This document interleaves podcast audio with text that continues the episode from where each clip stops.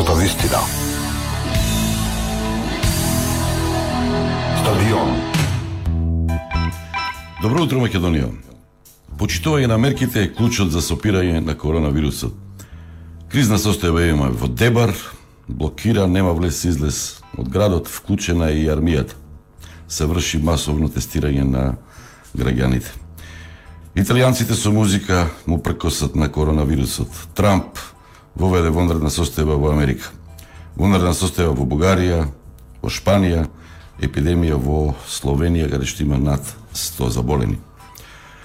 Во светот, моментално, коронавирус има во над 117 држави, заразени се над 140.000, починати околу 5.000, излечени 70.000.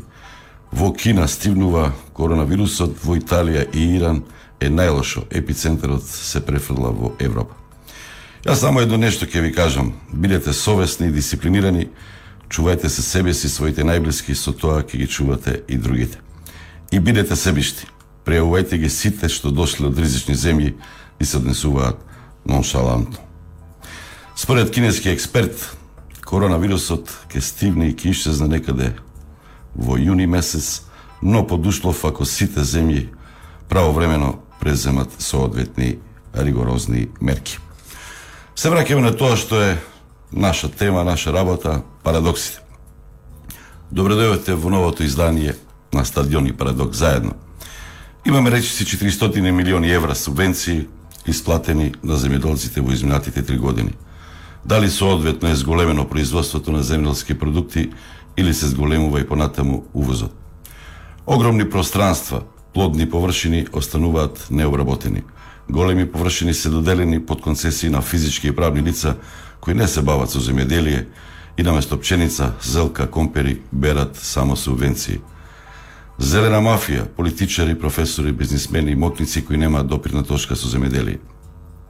Добиеното земјиште го преиздаваат, а реиздаваат на втори, трети лица и фирми. Под кои критериуми и на кого се дели земеделското земјиште и земеделските субвенции? Распределбата е едно од најболните прашања. 77% од земеделците сметаат дека има злоупотреби, корупција и узурпирање при доделувањето и користењето на државното земеделско земјиште. На оваа тема денеска во емисијата Стадион заедно со Парадокс имаме истражување да ја слушаме историјата на колешката Весна Крстева.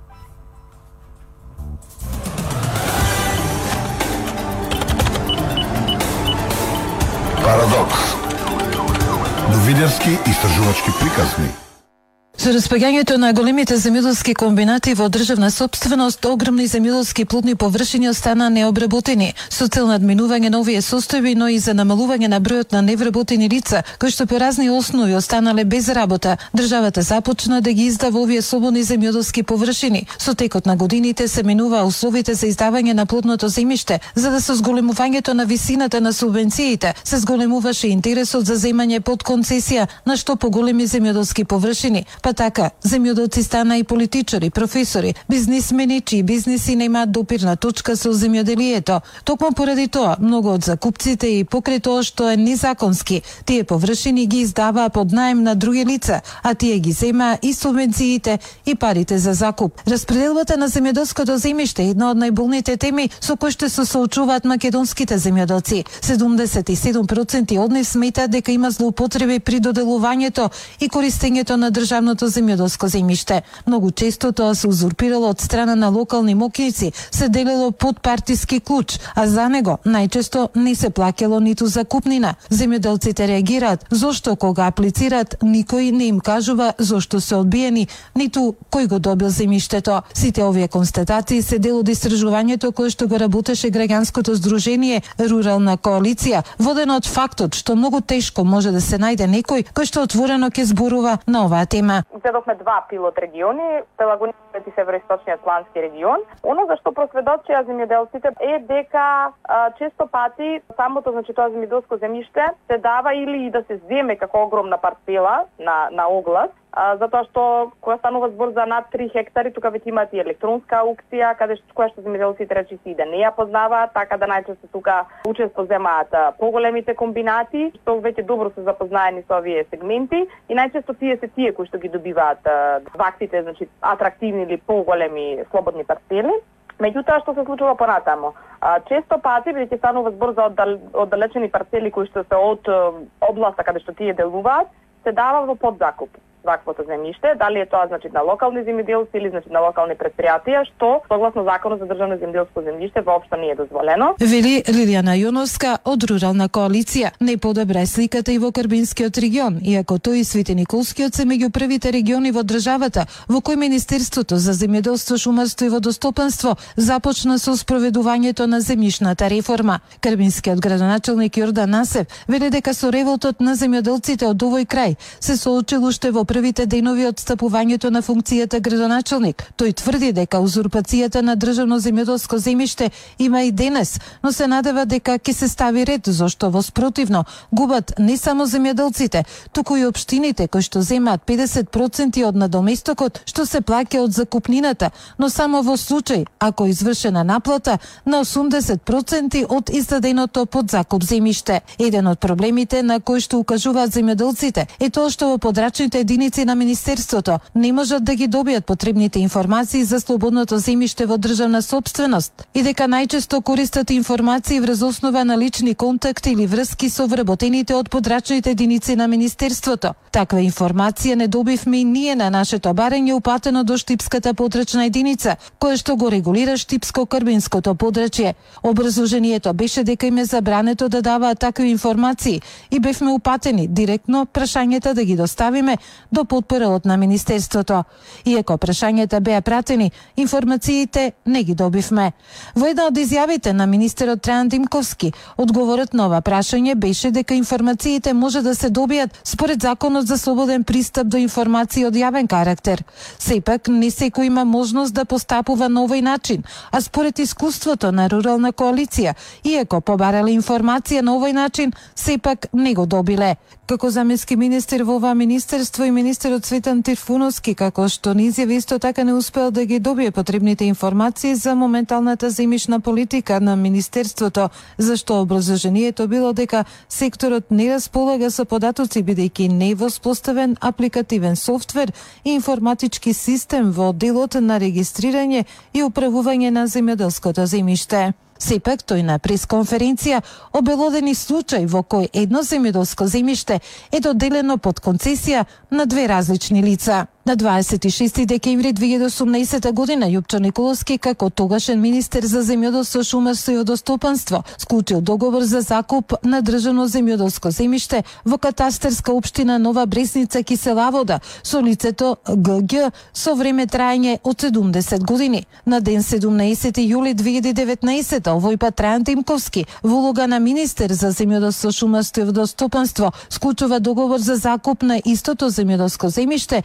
кое веќе се наоѓа под закуп, овој пат на лицето ВТ. Договорот е склучен без предходно да биде раскинат. Моментално, формално правно и двата договори се во сила. Трајан Димковски го прекршил законот и постапките за процедурите се прекршени уште во процесот на објавување. Имено, пред воопшто да биде објавен оглас, Министерството преку допис мора да ја контактира подрачната единица во населеното место каде што се објавува огласот и со цел да се информира дали конкретното земјиште предходно е веќе дадено на на оглас. Вели Трипуновски, тој тврди дека процедурите се прекршени уште во процесот на објавување. Пред воопшто да биде објавен огласот, Министерството преку допис ја контактира подрачната единица во населеното место каде што се објавува огласот со цел да се информира дали конкретното земјиште е слободно или под закуп. Во конкретниот случај не е пуштен допис до подрачната единица во Киселавода, која што е надлежна за овој случај. Нови обвинувања реагира од Министерството во кое што тврде дека формално правно собственик е лицето кое што прво го склучило договорот, останатото е недоразбирање. Менаџирањето на државното земјоделско земјиште треба да се додели на општините, смита Карбинскиот градоначелник Јордан Асев. Ние имаме капацитет да менаџираме со земјоделското земјиште и мислиме дека ќе бидеме многу подобри домакини доколку нашето земјиште кое што е на територија на општина Карбинци се грижиме за правилна распределба, контрола и надзор на сето земјиште. Факт е дека сега имаме узурпација на земеделско земјиште, факт е дека има големи површини кои што не се обработуваат, меѓутоа имаме реални проблеми во катастерот. Вели Насев и покрај новите огласи за распределување на земиштето. додава Насев, земјата и понатаму се узурпира, посочувајќи и некои од локациите. Земјоделецот Карбинско кој што обработува земјиште од овој атар и кој сакаше да остане анонимен, признава дека и самиот освен на свое работи и на узурпирано земјиште. Вели дека во овој регион има најмалку 60 на узурпатори кои користејќи најразлични начини успеваат да го изиграат законот. Оваа ситуација според него се должи и на тоа што поради изминати договори веќе пет години не се распишувал повик за подпишување на нови. Нашиот соговорник инако и член на комисија за распределба на земјоделско земјиште во државна собственост, но вели дека истата одлучувала за други региони, не за Штипско-Карбинскиот. Со новите јавни повици кои што се во тек, еден од нив дава можност земјоделците сами да ги откриваат слободните земјоделски површини кои не се евидентирани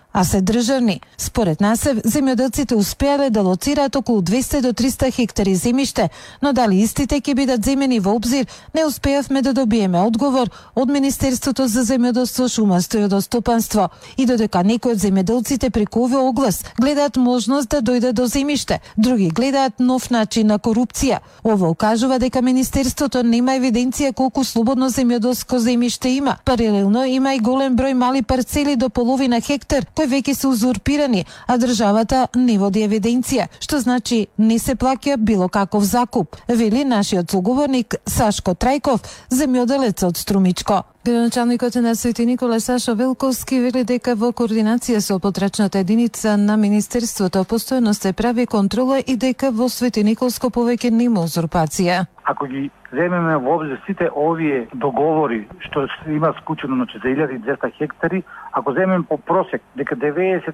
евра по хектар е киријата за земјоделското земјиште, тоа негде околу 100.000 евра на годишно ниво се губи на, на ниво на, на општина, односно на ниво на па и на буџет на на државата. Додава Велковски. Земјоделците сметаат дека доколку инспекторите излегуваат почесто на терен, состојбите би биле поинакви. Според директорот на Државниот земјоделски инспекторат Зоран Шапорич, инспекторите биле постојано на терен и дека само во 2019 година имале вкупно 49.000 интервенции. Комисија во Министерството за земјоделство, шумарство и водостопанство е телото каде што инспекторите кои што утврдуваат неправилности ги испраќаат пријавите и ако има прекршување, тука се донесува одлука за глоби. Најлесно е вилат инспекторите кога прекршителите, тоа е узурпаторите, ќе се фатат на лице место. Ако се утврди дека површината што обработува концесионерот одстапува од договорот, се донесува решение за повлекување од узурпираните површини и се покренува постапка за глоба и постапка за раскинување на договорот. Ако инспекторот открие дека на земјиштето дадено под концесија го обработуваат други лица, во тој случај не се утврдува ова глоба, туку предлог за раскинување на концесискиот договор. Ако се фати правно или физичко лице да зурпира државно земјоделско земјиште кое не е дадено под закуп, тогаш освен глоба се издава и решение за враќање во правовитна состојба на земјиштето. Познавачите на состојбите велат дека токму во оваа алка се користи моментот за продолжување на узурпацијата. Решенијата од најразлични причини не се издаваат веднаш, па користејќи го ова, узурпаторите се продолжуваат со своите активности, ако и по предходно поднесени решенија, узурпаторите не постапат по донесените решенија, постапките преминуваат во судските инстанци. Во однос на земјоделското земјиште во државна собственост се информира Шапорич, во 2019 година биле извршени 2400 надзори, донесени се 80 решенија за констатирани неправилности, 302 решенија за едукација, 68 платни налози. Поднесени се 7 кривични пријави за противправно користење на државно земјоделство.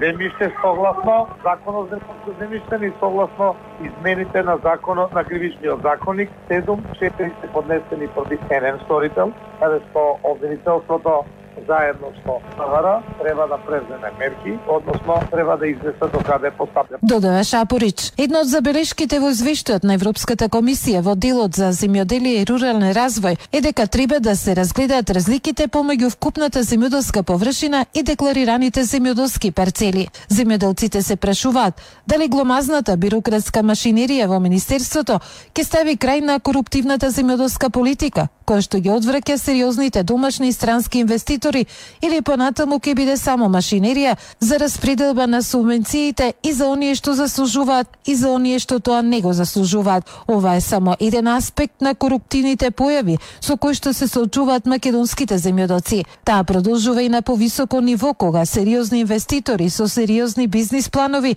се соочуваат со елиминирање поради грешка во насловот, незаверена лична карта, печати и слично, а за сето тоа да нема каде да се пожелат. Овој сегмент од емисијата е подготвен од страна на интегрираната редакција на Радио Канал 77 со поддршка на Американскиот народ преку Агенцијата на САД за меѓународен развој УСАИД. Мислењата изразени во овој сегмент на емисијата припаѓаат на редакцијата на Радио Канал 77 и не ги изразуваат ставовите на УСАИД или на владата на Соединетите Американски држави. За совршено гастрономско уживање потребно е добар готвач, вкусна храна, релаксирачки амбиент, убав поглед, квалитетна услуга и добро друштво. Од дома понесете само друштво. Останатото веќе ве чека во Радио Кафе Канал 77. Сигурен земјоделец е само осигурен земјоделец. Најголемиот осигурител во областа на земјоделството, СН Осигурителен брокер, започна со осигурување на посеви и плодови за сите земјоделци. Нудиме најповолни услови и цени. Контакт телефон 15 770 СН Осигурителен брокер АД Битола. Забележа пречки, прекини и промени во квалитетот на сигналот на радиомрежа Канал 77. Извести на Вибер на 072 607 777 или на Facebook профилот на Радио Канал 77 за да најдеме решение. Бидејќи ништо не треба да ти пречи во дружбата со твоето милено радио. Млекара Георгиеви, кремасти и млечни, единствени и квалитетни. Млечни производи со традиционални и нови вкусови. Млекара Георгиеви. Македонски медиа сервис. Реални медиуми за реални луѓе. nms.mk Стадион. Емисија за вашата вистина. Те слушнавте историјата.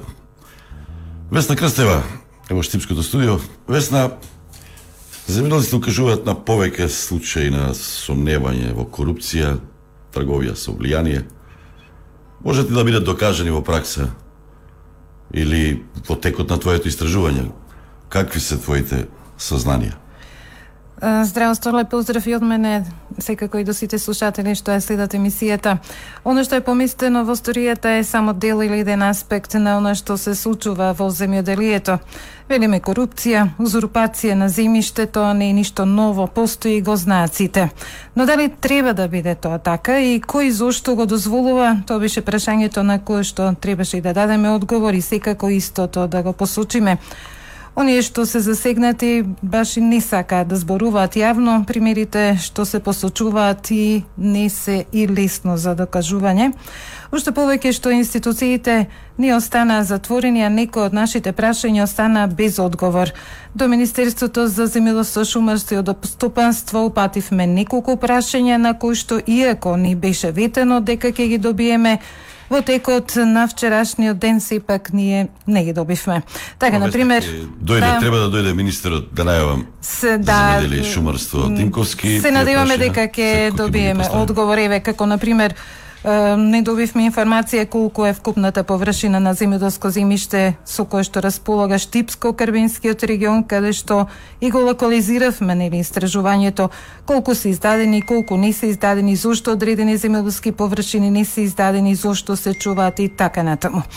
Коментарот на земјоделците беше дека таква информација нема да добиеме, иако кога станува збор за поединечни селски атари, жителите добро знаат кои земјоделски површини се во државна собственост, но не ги знаат баш добро и причините за одредени површини кои што се чувале и не издавале. И не само узурпација на земиштето, тука се и распределбите на тоа земиште се издаваат земиште Земјишта кои што се узурпирани, се обработува од други лица, концесијата не се плаќа, туку парите оделе во джебовите на одредени политички мокници и покрај тоа што незаконски добиените површини се под концесија, се издаваат на други лица или воопшто не се обработуваат, а се земаат субвенции, пари се земаат за зелена нафта и како што велат земјоделците имаат истите и предност при откуп на производството. Нели реагираат и општините кои што со неплаќање на концесиите губат доста пари што треба да се слеат во нивните буџети.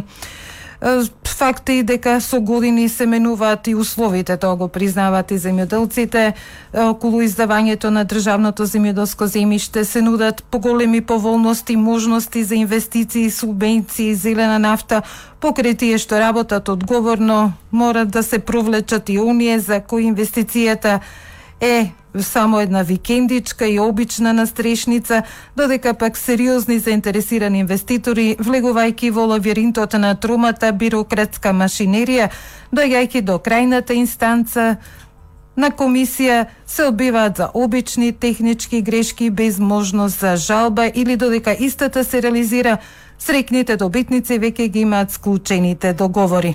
Провесте за да. ова сето ќе зборуваме. Да, да. Секако, се надам дека во текот на емисијата од гостите ќе добиеме одговори со кои што ќе се дообјаснат некои работи за состојбите околу темата која што ја работевме. Крстева следи Facebook, следи прашања од слушатели, гледачи, чатот следи го, Твитер и така натаму. Секако. Во студиото тука во Скопје е професорот Драги Димитриевски. Професоре, како сте добар?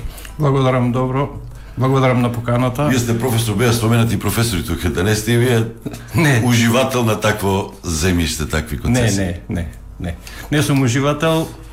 А, дури нешто што татко ми го поседува, не го обработувам. Мала површина ја обработуваат мои роднини, така да воопшто не не размислувам а, нити до сега, нити од сега да се занимавам со... Долго време сте професор, овие работи не ви се непознати, ги слушате постојано. И кој е вашиот одговор? Така. Студентите ве прашуваат тоа?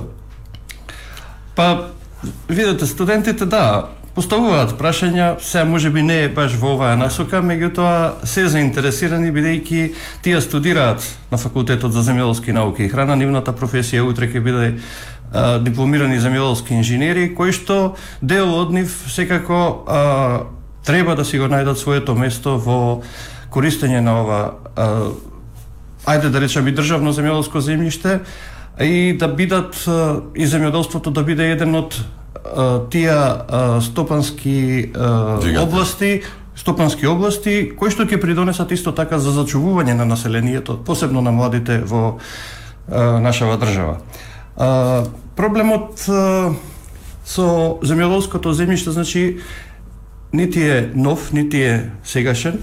Значи, јас вака би, би гледал на, на сета оваа состојба. Знаете, се, сигурно сите до сега што креирале политики и што се креираат и што ќе се креираат натаму, тргнуваат со можеби добри намери да исполнат една од целите на земјоделската политика. Не само нашата, таа и европската, значи да а, се одржува, да, да се користи одржливо земјоделското земјиште како основен ресурс за земјоделско производство. Земјоделското земјиште е ограничено, земјоделското земјиште е неподвижно и земјоделското земјиште е а, а, неумножливо. Да. Тоа е даден ресурс кој што државата треба најрационално да го користи. А за жал, можам да кажам дека во она време кога јас студирав во 80-тите да. години и кога ги следев, кога станав асистент на факултетот и кога почнав да ги следам состојбите со со земјоделското земјиште, ние а, имавме 666.000 хектари обработливо земјиште. Денеска, ако ја погледнете статистиката, да посебно структурните истражувања за структурата на фармите, ќе видиме дека тоа е некаде 60 на посто од она што сме го имале. Значи денес а, вкупно земјоделско земјиште во Република во држава наша во Република Македонија се обработува некаде околу јас не верувам дека надминува 400.000 хектари. Што се должи тоа? Узурпирано е или тоа- не, не се употреба, не. не се обработува? Најголем дел тоа земјоделско земјиште, значи што се обработуваше беше а, најпрво а, се обработуваше приватното земјоделско земјиште многу повеќе. Сега голем дел од тоа приватно земјоделско земјиште веќе го гледам. социјализмот и Да, приватното. да, да, да, да, да. Не само комбинатите што беше. Значи, тогаш си се обработуваше и приватното земјоделско земјиште и комбинатите. Ние некаде, според податоците, имаме околу не повеќе од 200.000 хектари државно земјоделско земјиште. Другото и во социјализмот си беше во приватен сектор. А, значи, најпрво, сето започна можеби со намалување на површините со процесот на приватизација во 90-тите години, знаете дека во земјоделството приватизацијата започна малку подоцна. Да. Комбинатите најпрво се требаше да извршат преструктурирање, но пред тоа лично сум учествувал во една студија за е, земјоделското земјиште кое што го користат комбинатите и имаше став и одлука дека 15% треба да се ослободи тоа земјоделско земјиште што го обработуваат комбинатите и да се подели на приватни земјоделци кои што се заинтересирани. И тогаш, е, да ви кажам, е, во тој период, во тоа време, земјоделското земјиште се обработуваше и на понеквалитетните класи, во повисоките, на повисока надморска височина. И тогаш најпрво што комбинатите се ослободија беше тоа земјиште фактички. Во тие понеквалитетни е, класи и по е, по не, непријатни услови за земјоделско производство. А, потоа еден период остана да тоа земјиште се распределува, дојде периодот на приватизација на комбинатите, знаете, ниту еден од нив не не не обстои. Стана, Не обстои, станаа загубари. И тоа земјоделско земјиште почна да се дели, почна да се делат големи површини, уште од тогаш започна процесот на оне што велиме го закупува големи површини, закупуваа мал број луѓе. Што се случуваше? Па се дава се дава во подзакуп, значи И а, сето тоа некаде во се донесе нов закон за земјоделско земјиште, сега дали беше 2008-2009, кога да речеме се стави еден се намерата беше значи и се се направи би рекол еден а, подобар ред во неговото управување.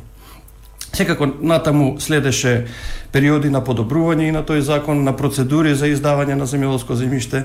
Оно што можеби, знаете, ние од аспект на наука Да.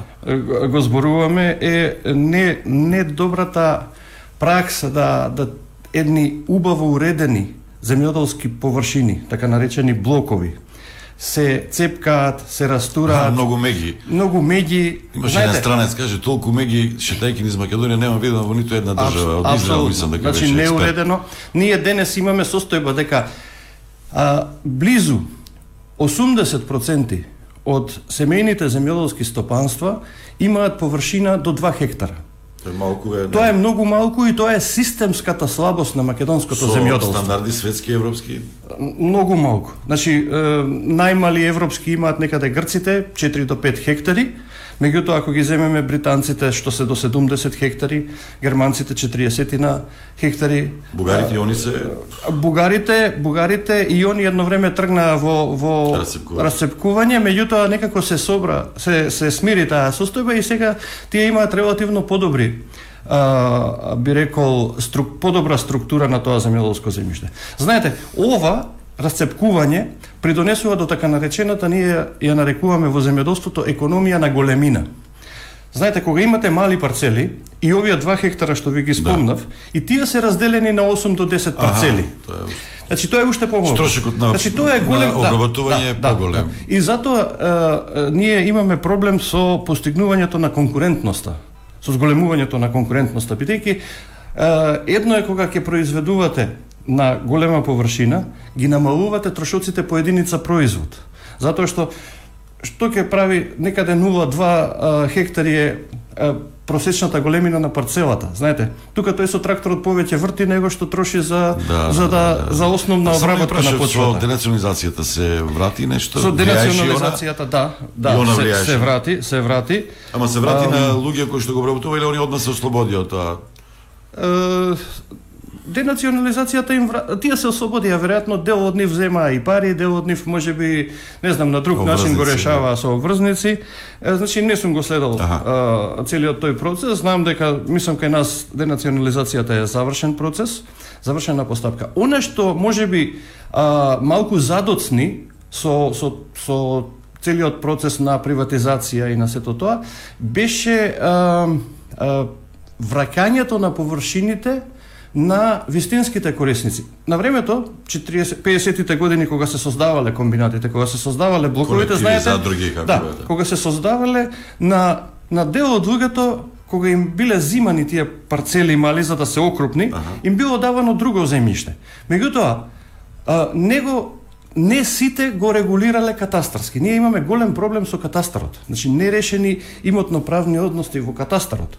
Значи сега тие луѓе кога кога си бараат имотен лист, нивните површини се наоѓаат некаде во средина на блокот. И се уште таму им се води земјоделското земјиште. некој- Сакајки значи тие да се да да да, да си го регулираат сето тоа, бидејќи имаат земјиште кое што го обработуваат, ама не не се води на нивно име. Знаете, и тоа е една од од значи Аномалии, сите аномалии и проблеми и тоа мислам дека се решаваше, не знам докаде е стигната постапката, има луѓе кои што се уште можеби се наоѓаат во ваква состојба.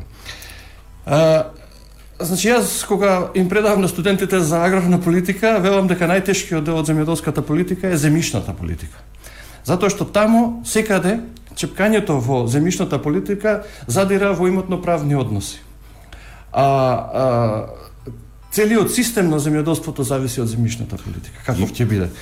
А, аха, има и кај земјоделското земјиште како и становите на повеќе ими а, да се А, да. Дали сето тоа Има, затоа што да речеме парцела, една парцела, бидејќи ние според законот не може да се дели кога ги наследуваат, Добро. па ги наследуваат двајца, тројца наследници, па наследуваат потоа ако некој почине од тие наследници, па и не- неговите деца и секогаш на имотниот лист на парцелата гледаме повеќе собственици и тоа е еден од проблемите.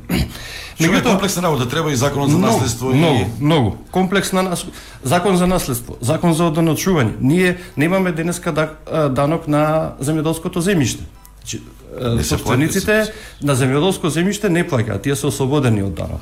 И сега, видете, значи јас сум зборувал за тоа повеќе пати, дека сето ова што се случува со земјоделско земјиште е како резултат на можеби еден помал капацитет кој што постои, меѓутоа а, за да се надмине оваа работа, ние мора, сакале или не икеле, за овој ресурс, кој што е многу битен во државата, мора да создадеме инструмент, односно да создадеме институција која што исклучиво ќе се занимава со земјоделското земјиште. Значи со целокупното земјоделско земјиште.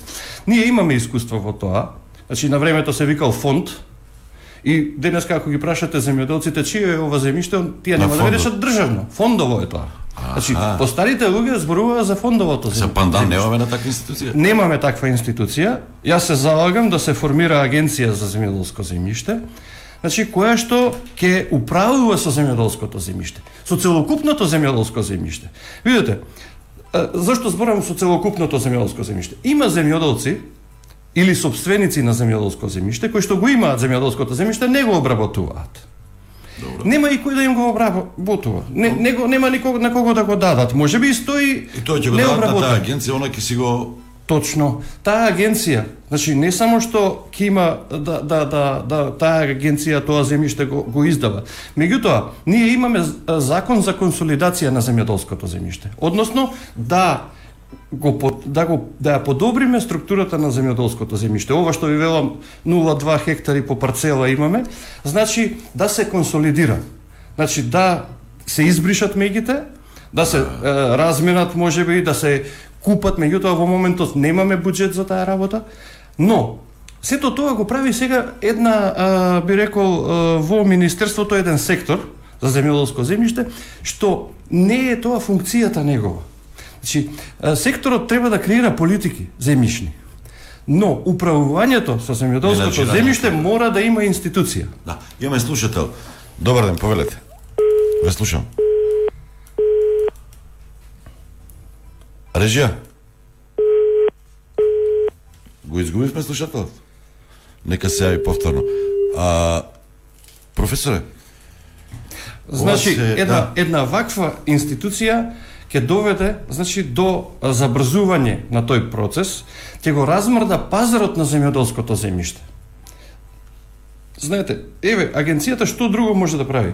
Имате земјоделско земјиште кое што тешко може да го продадете, нема купци. Може некој сака да го продаде тоа земјоделско земјиште. Агенцијата, доколку би откупила такво земјоделско земјиште, едно, две, три, и создаде поголема парцела. Знаете, има заинтересираност. Беа спомнати инвеститорите, странските инвеститори.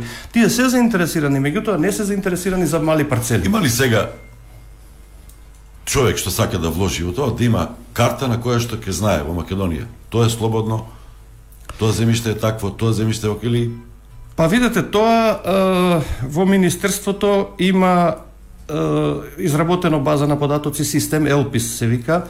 Тоа е систем кој што е, ги снима парцелите, ги знае кои се парцелите, меѓутоа е, сето тоа зависи од, ви кажав, од ова што испомнато беше и во истражувањево за таа една слабост каде што е, е, нема систем за водење евиденција за земјоделското земјиште. Значи не се знае целосната состојба кое земјиште е издадено. Еве и овој случај што беше спомнат Да, за два пати да, да. издавање на исто земјиште е дел од сите тие проблеми. Значи, а, доколку сакаме успешно да управуваме со земјоделското земјиште, ние мора да ги зајакнуваме значи институциите и да се формира една ваква институција што сериозно ќе се зафати. Ќе се создаде регистар, ова што го кажавте вие, да да каже каде има земјиште слободно и така натаму и да а, води сметка и за издавање и за прибирање на закупнините со закупнините да се формира Надзор еден да буџет, прави. надзор да прави, буџет да се дали формира, ги да што ги купува, да продава земјоделско земјиште, сето тоа ќе биде во а, како една од активностите на таква една агенција. Имаме можност малку пошироко да ја слушнеме од руралната коалиција Лилина Јоновска околу истражување ти- тие го имат како коалиција спроведено на оваа тема, па да слушнеме уште неколку интересни податоци, и заклучоци кои што произлегле како резултат на ова истражување. Лилина Јоновска, рурална коалиција. Многу тешко може да отворено да најдете некој кој што ќе говори за оваа тема. Беа фатени вкупно 100 земјоделци, кои што одговараа во глобална прашања поврзани со процесот и со начинот на зделување на земјоделското земјиште, со тоа што секако прашалниците беа анонимни. Последниве години интересот за доделувањето на државното земјоделско земјиште е многу поголем за разлика од минатите години. Над 50% да аплицираат за површини од 5 до 15 хектари. Тоа значи дека полека како земја може би тешко оди, меѓутоа сепак се движиме кон она што се нарекува окрупнување како на земјоделското производство, така и окрупнување на самото земјиште. А на прашањето како најчесто ги добиваат информациите за објавени огласи, кои се тоа парцелите за кои што може да се аплицира и така натака, дури половината од нив, односно 48%, тоа го добиваат преку лични врски или контакти кои што ги имаат, што значи дека овие податоци се уште не се доволно јасни и транспарентни одредени преработувачки капацитети или тоа се комбинации, често пати го земаат слободното државно земјоделско земјиште во други атари, односно на пример конкретно од Тетово, во Пелагонискиот регион има доста моќници кои што успеале да земат дел од парцелите кои се наоѓаат таму. Според земјоделците значи не е во ред, бидејќи станува збор за поголеми капацитети, многу значи тешко со нив може да се да се избори било која битка. Едноставно останува така и да се гледа како земјиште да се узурпира или од година на година се навлегува дури често пати во парцелите на земјоделците за кои што имаат соодветни имотни листови или па се узурпира целото слободно земјоделско земјиште. Кога станува збор за над 3 хектари, тука веќе имаат и електронска аукција, која што земјоделците речиси и да не ја познаваат, така да најчесто тука често земаат поголемите комбинати или значи поголемите преработувачки капацитети кои што веќе добро се запознаени со овие сегменти и најчесто тие се тие кои што ги добиваат атрактивни или поголеми слободни парцели.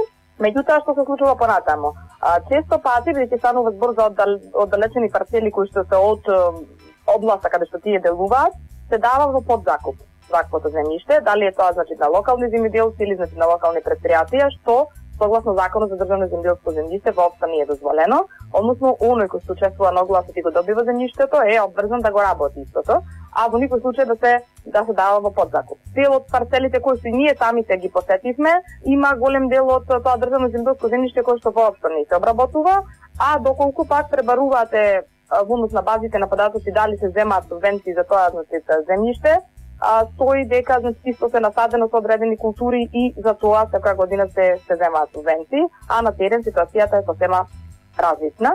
Нема доволно инспекцијски надзор или нема инспектори кои што значи тоа би можеле да го контролираат, соодветно значи да го пријават и на таков начин да тоа земјоделско земјиште и, и се одземе истакнуваа дека без оглед на тоа која партија за која партија станува збор која што е на власт, најчесто се случува да земјоделското земјиште се добива по по партиски клуч и често пати се случува да и во рамките на склучувањето на договорите има обврска закупот да се плаќа за претходната година, наредната година до 31 јули.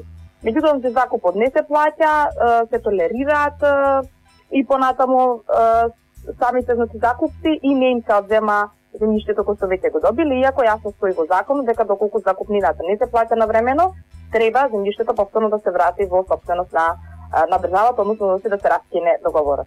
Она на што апелира исто така значи е да профункционира таа ревизија на државното земјоделско земјиште, која што особено во она што имаме како податоци оди во источниот регион, Атарот, значи, некде околу Свети Николе, Штип и така натака, значи тој дел веќе се раскинуваат договори, така да повторно тоа земјиште се објавува. Таа ревизија не е подеднакво застапена во сите области, така да да профункционира таа ревизија на секаде.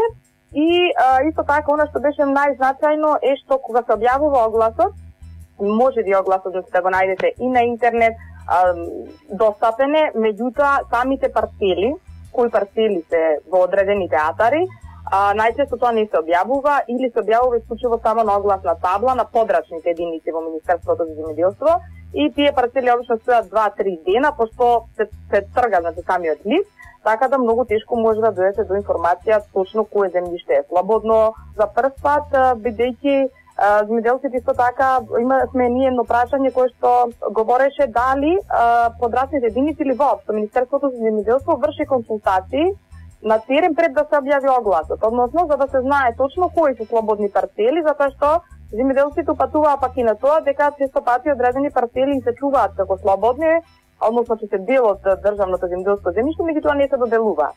Е сега, за прв пат последниот оглас кој што Министерството го објави, беше објавен на таков начин да а, може самите земјоделци да пријавуваат одредени значи, парцели пред неколку месеци имаше, мислам дека над 60 на нови вработувања, но значи нови инспектори кои што ќе треба да работат на терен. И исто така имаше одредени измени на законот за државното земјоделско земјиште, каде што досега беше до доколку еднаш се добие одредено државно земјоделско земјиште, немате право да апликирате на наредните огласи. Сега пак се дозволува, значи до 10 хектари додека да се направат, да може да апликирате на секој значи нареден повик, што исто така претходно не беше случај и кај младите значи земјоделци, односно во првите три години имаат оној грејс период да да не се плаќа закупнина на државното земјоделско земјиште кое се го добија. Стадион Контакт 032 397 707 и 397 727. Вибер и WhatsApp 072 60 7777 Канал 77.мк. Коса црта Facebook. Канал 77.мк. Коса црта YouTube. Но ја понатаму ја слушнавме Лилија Јоновска од коалиција Рурална.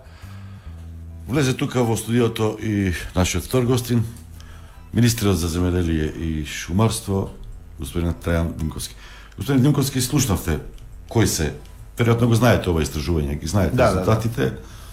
кои ви се одговорите, еве сега имате можност да ги кажете. Јас можам да прочитам, еве, на пример, има реакција за транспарентноста три дена па се тргаат пред подрачните единици за парцелите, ги нема на интернет. Ревизија не се следи реализирањето на обврските. Има некои кои што не плаќаат закуп, а сепак не им се одзема земјишто. Повелете. Благодарам. Значи вака, огласите кои што се објавени пред неколку години денеска може да се видат на интернет, се уште постојат, значи не е тоа дека се трга. Предпоставувам дека она што е забелешката дека на огласната табла во подрачната единица ако ги стават Инаку на интернет на веб страната на министерството се уште стојат тие кога се поставуваат. Веројатно мислиш на помалите парцели не се така го разбрав јас. Во ред бидејќи него слушнав од Да. почеток, нели, но еве а, би дообјаснил само во некои делови во кои што беа споменати, но не дообјаснети во делот на измените во законот за земјоделско земјиште, каде што досега доколку добиевте земјоделско земјиште до 3 хектари, дали без разлики на јавен повик или на јавен оглас, не можевте повторно да аплицирате повеќе. Инаку сега со измените додадена е можноста да максимално што може да се аплицираат, значи со мали парцели, со мали површини до 3 хектари, површината максимално да биде до 10 хектари едни земјоделци.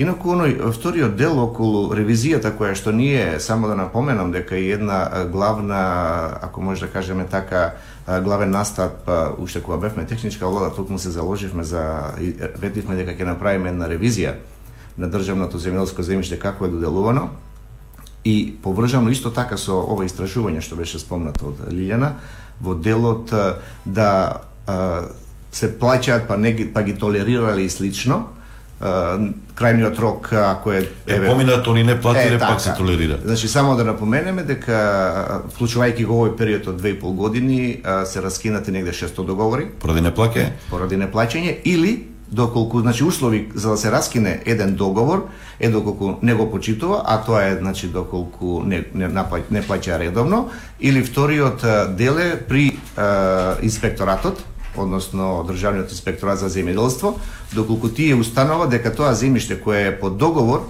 а не се обработува според планот, бидејќи за да добиете државно земјоделско земјиште мора да имате и бизнис план, без разлика за тоа се дава дали е 15 години, 30 или до Да. 70 години. И тоа е условот кога може да се раскине договорот. Значи, за овие две и пол години се раскинати 600 договори и некаде 6000 хектари е ослободено државно земјоделско. Нема доволно инспектори. Тука имаше интересна информација поради правишта застапеност, некои компликации. Кој е проблемот? Не се пријавуваат за работа, што? Нема доволно кадар, не можете да вработите, Видете, финансии ви прави после- проблеми. Така, после подолго време Никој не сака како инспектор да работи, се плашат на терен да ги натепа, макар што обратно. Не. Многу меракли има за работа во инспекции поради други работи. А, значи пред нова година сега мислам ноември некаде ако не и декември се објави оглас во државниот инспекторат за земјоделство за вработување на нови инспектори. И тоа е факт дека има недоволно инспектори на терен за да може да ги обслужат сите потребите на бидејќи само овие инспектори да кажеме тие не работат само посета, односно следење на договорите за државното земјоделско земјиште, имат и други обврски.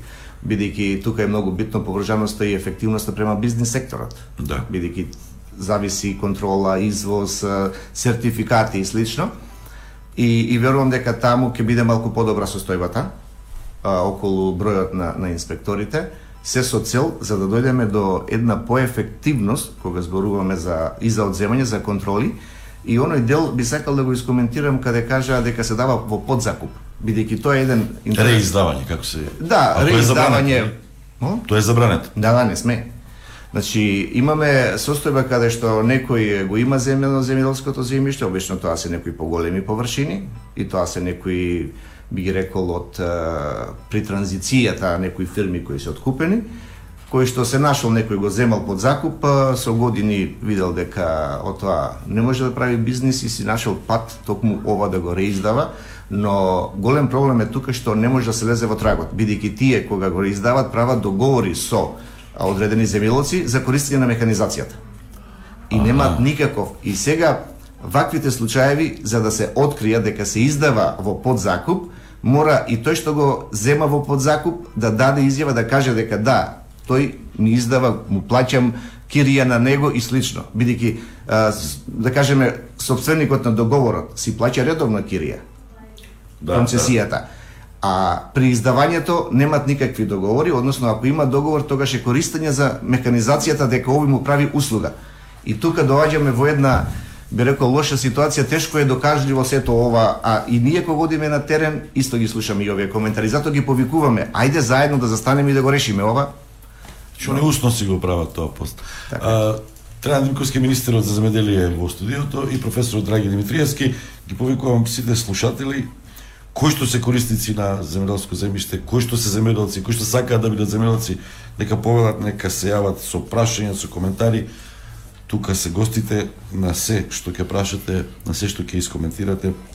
ќе одговорат и тие ќе дадат коментар. Имаме реклами, па се враќаме со прашања кои што се испратени до сега на Facebook, на Twitter со колешката Весна Крстева. За совршено гастрономско уживање потребно е добар готвач, вкусна храна, релаксирачки амбиент, убав поглед, квалитетна услуга и добро друштво. Од дома понесете само друштво. Останатото веќе ве чека во Радио Кафе Канал 77. Сигурен земјоделец е само осигурен земјоделец. Најголемиот осигурител во областа на земјоделството, СН Осигурителен брокер, започна со осигурување на посеви и плодови за сите земјоделци. Нудиме најповолни услови и цени. Контакт телефон 15 770 СН Осигурителен брокер Ада Битола. Забележа пречки, прекини и промени во квалитетот на сигналот на радиомрежа Канал 77. Извести на Вибер на 072 607 777 или на Facebook профилот на Радио Канал 77 за да најдеме решение. Бидејќи ништо не треба да ти пречи во дружбата со твоето Милено Радио. Млекара Георгиеви, кремасти и млечни, единствени и квалитетни. Млечни производи со традиционални и нови вкусови. Млекара Георгиеви. Македонски медиа сервис. Реални медиуми за реални луѓе. mms.mk Стадион. Емисија за вашата вистина. Весне, што има? Еве, Столе, доста голема полемика вака се разви на социјалните мрежи во врска со нашата тема, берем досега. Се постуваат прашања, се дава констатации за состојбата, а јас би почнала со еден коментар кој што беше ставен е, по сторијата, објавената сторија на прашањето во чии раце е земјоделието, одговорот е, во чии раце е инструментот во рацете на музичарот или во рацете на тој што му лепи на музичарот. Uh, име тоа е првиот коментар кој што еве сакав да го споделам. Е, инаку е, констатации, прашања до кога власта ќе дава субвенции на собствено, на соб, за собственост, а не на производ, како во сите цивилизирани земји, едно од прашањето. Е, вака намерно се уништува земјоделието и ги земат парите од субвенциите оние кои што не ги заслужуваат, барем во некои нели случаи. Слушаме во Македонија сега конкретно не знам точно за дали е лоциран, да. имало тепачка порано се плакело на ВМРО, а сега на СДСМ на пола цена од државното и тие пари или со тие пари што се плакеле на некои политички мокници, се купувале гласови за време на изборите. Сега дали е тоа вистина, дали колку има сознание министерот, понатаму констатации само марихуана да се дозволи да се одгледува, тогаш ќе цвета бизнисот. Слушаме во Македонија, а добро тоа го веќе прочитав, Имаме прашање и до професорот зошто се увезуваат болни садници, па во втората година е со заболен врат и дава плодови намалени за 30 до 50%, зошто набавуваме глуво семе, зошто средствата за заштита се гола вода. Законот за земјоделство има слабости, повеќе се намерни, зошто се бара банкарска гаранција од 3 до 5% се плаќа од вредноста на земјиштето, кога закупот е фактички концесија, која е пак јавна давачка ја наплатува ујапа во присилна наплата. Зошто заверка пред нотар кога се склучува документ пред државен орган, не треба нотар. Тоа е спротивно со законот, очите на државниот чиновник се повередостојни од очите на нотарот. Прашање програма за користење не е потребно, норми за добро користење мора да се воспостави со уредба. Еве, за почеток делот она што е Добро, на чат и да, на како коментари ќе се вклучиме подоцна еве со поконкретни прашања. Благодарам. Господа, повелете. Професоре, министр само малку понапред до а, микрофонот. До вас имаше три-четири прашања. Професоре, па после министерот нека размисли малку повеќе. видете, болни садници, болни, себе, болни садници, многу... заштитни средства. Е, видете, тоа има обврска секој увоз да биде исконтролиран. Има е, фитосанитарни инспекции кои што на границата земаат примероци и ги испитуваат. Второ, а, имаме ние а, нели тие бела или зелена листа, се министрот ќе ме поправи можеби, од Европската Унија, каде што ние увезуваме семе со сертификат издаден од а, а, орган од државата на Европската Унија, кој што а, гарантира за квалитетот. Дали а, во некои случаеви, можеби, се прекршува ова, нелегално се увезува и така натаму, Тоа е веќе друго прашање кое што веројатно повторно се враќаме на она што е контролата, капацитетот за да се следи сето тоа и така натаму. Таа институционална поставка. Таа институционална, би рекол слабост или ова што зборувавме дека нема доволен број инспектори. Тука секако дека надзорот треба да биде за има Кој ги контролира инспекторите? Тоа е сега тука во делот на организацијата, нели на на на целиот тој а, инспекторски совет и така натаму. А, сигурно дека а, Постојат стандарди, ние имаме државна фитосанитарна лабораторија која што ги следи сите овие состојби. Имаме а, дадено а, овластување на институциите научни, на факултетот има овластување кој што а, е овластен да да ги контролира а, состојбите со со садниот материјал, со семенскиот материјал почвата заштитните ова вештачките ѓубрива заштитните средства се контролираат, така да а, тој систем, да речеме, ако гледаме како е поставен а, а, во правилници и на, на, на хартија, што би рекле, е уреден. Меѓутоа, сигурно дека оној вториот дел, а, значи спроведувањето, ќе треба да а, се работи на на тамошно зајакнување. Треба да се работи и на а, подигнување можеби и на свеста кај земјоделците, знаете, да купуваат од овластени а, производители, увозници и така натаму. Се случува да ете поевтино е можеби во некој од соседните ага. држави, па да увеземе и на тој начин да на крајот го платиме поскапо сето тоа, бидејќи посебно кај долгогодишните насади, како што рекоа сад, садниците, како рече, се криват во вратот. Значи таму е посебно сериозно прашањето, бидејќи се вложува 3 години. Рачунете, тој вложува во садници, родот го добива после третата година и он кога веќе ќе почне а, да дава род, со, да дава род веќе настануваат сериозни проблеми кога а, не може да ги врати инвестициите и тој запаѓа во една сериозна криза. Затоа сето ова значи а, натаму треба да се оди на зајакнување на на контролниве системи и а, мислам дека можеме да, да, да ги изградиме тие капацитети, секако, знаете, државата е скапа работа, меѓутоа, ако сакаме држава, тоа мора да се плати. Министре, имаше некој прашање за вас. Да, ова што стално... Нотар, што имаше да Да, ги забележав јас. Често кога годиме на терен и се случува ово и тоа со години се повторува зашто се даваат субвенции на површина, а не на производство. Тоа беше едно, да, едно од прашањава. Вика, мора да појасним една работа. Субвенциите се даваат по површина или по грло. Односно, тоа значи во програмата, ако ги погледнеме, има мерка 1 која е за растително производство и мерката 2 која е за сточарско производство. Кај нас а, имаме комбинација. Тоа значи дека се дават по површина или грло и во за одредени производи има по килограм. Најчесто по килограм се одвиваше во индустријата, значи она производство кое што е за, за индустријско производство, се со цел да се потикне конкурентноста преработувачката на домашните производи и е, се уште е задржана по литар млеко кое што се дава, значи дали е тоа од млеко од крави, кози и овци, 4,5 денари е за крави, пардон, за овче и козјо млеко и 3,5 денари е по литар и покрај тоа што се добиваат субвенциите по глава.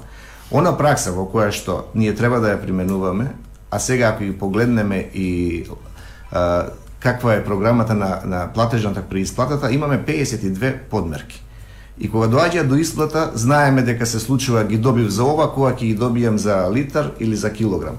Во растителното само да да додадам дека по килограм во моментот имаме само интервентна за грозјето 2019 кој што се донесе за 2 денари и 18 беше 1 денар, а резултатите дека ова политиката во промената од килограм во по хектар зголемување бидејќи ние имавме минатата година една односно 18-19 една многу е, лоша година да кажам на цена и тоа пред се во овоштарството каде што за прв пат се воведе и она субвенција од 3 денари за извозно јаболко.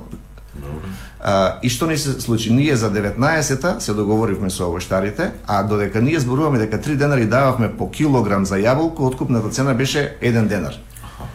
И сите ја калкулираат цената, вие ќе земете денар, ќе ви дадам потврда и ќе земете уште 3 денари од државата ќе ви плати. Така се правеше цена. Да, ама тогаш секој нормален човек ќе постави прашање кои се ефектите, дали социјалната димензија пред себе е битна Е, и тоа што го каже еден слушател, купување на гласови во функција на Па избори. еве сега примерот што направи. Мора резови да правите, тоа беше Не, апсолутно. Значи сега а, што се направи за 19-та? Парите што одеа за индустрија ги ставивме по хектар. Денеска, значи 19-та година и 20-та mm почеток, цената на индустријското јаболко 3 денари достигна. И тука имаме еден нереален пристап, jer кога зборуваме ние за за буџетски пари, главно правило е дека секој треба да има подеднаков пристап до тие пари.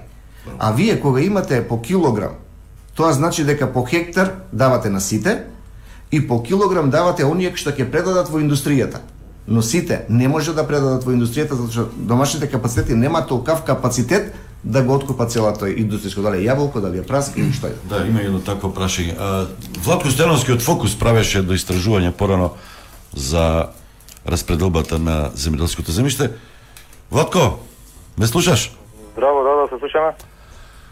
Тоа беше пред неколку години и кој беше заклучокот имаме ли зелена мафија?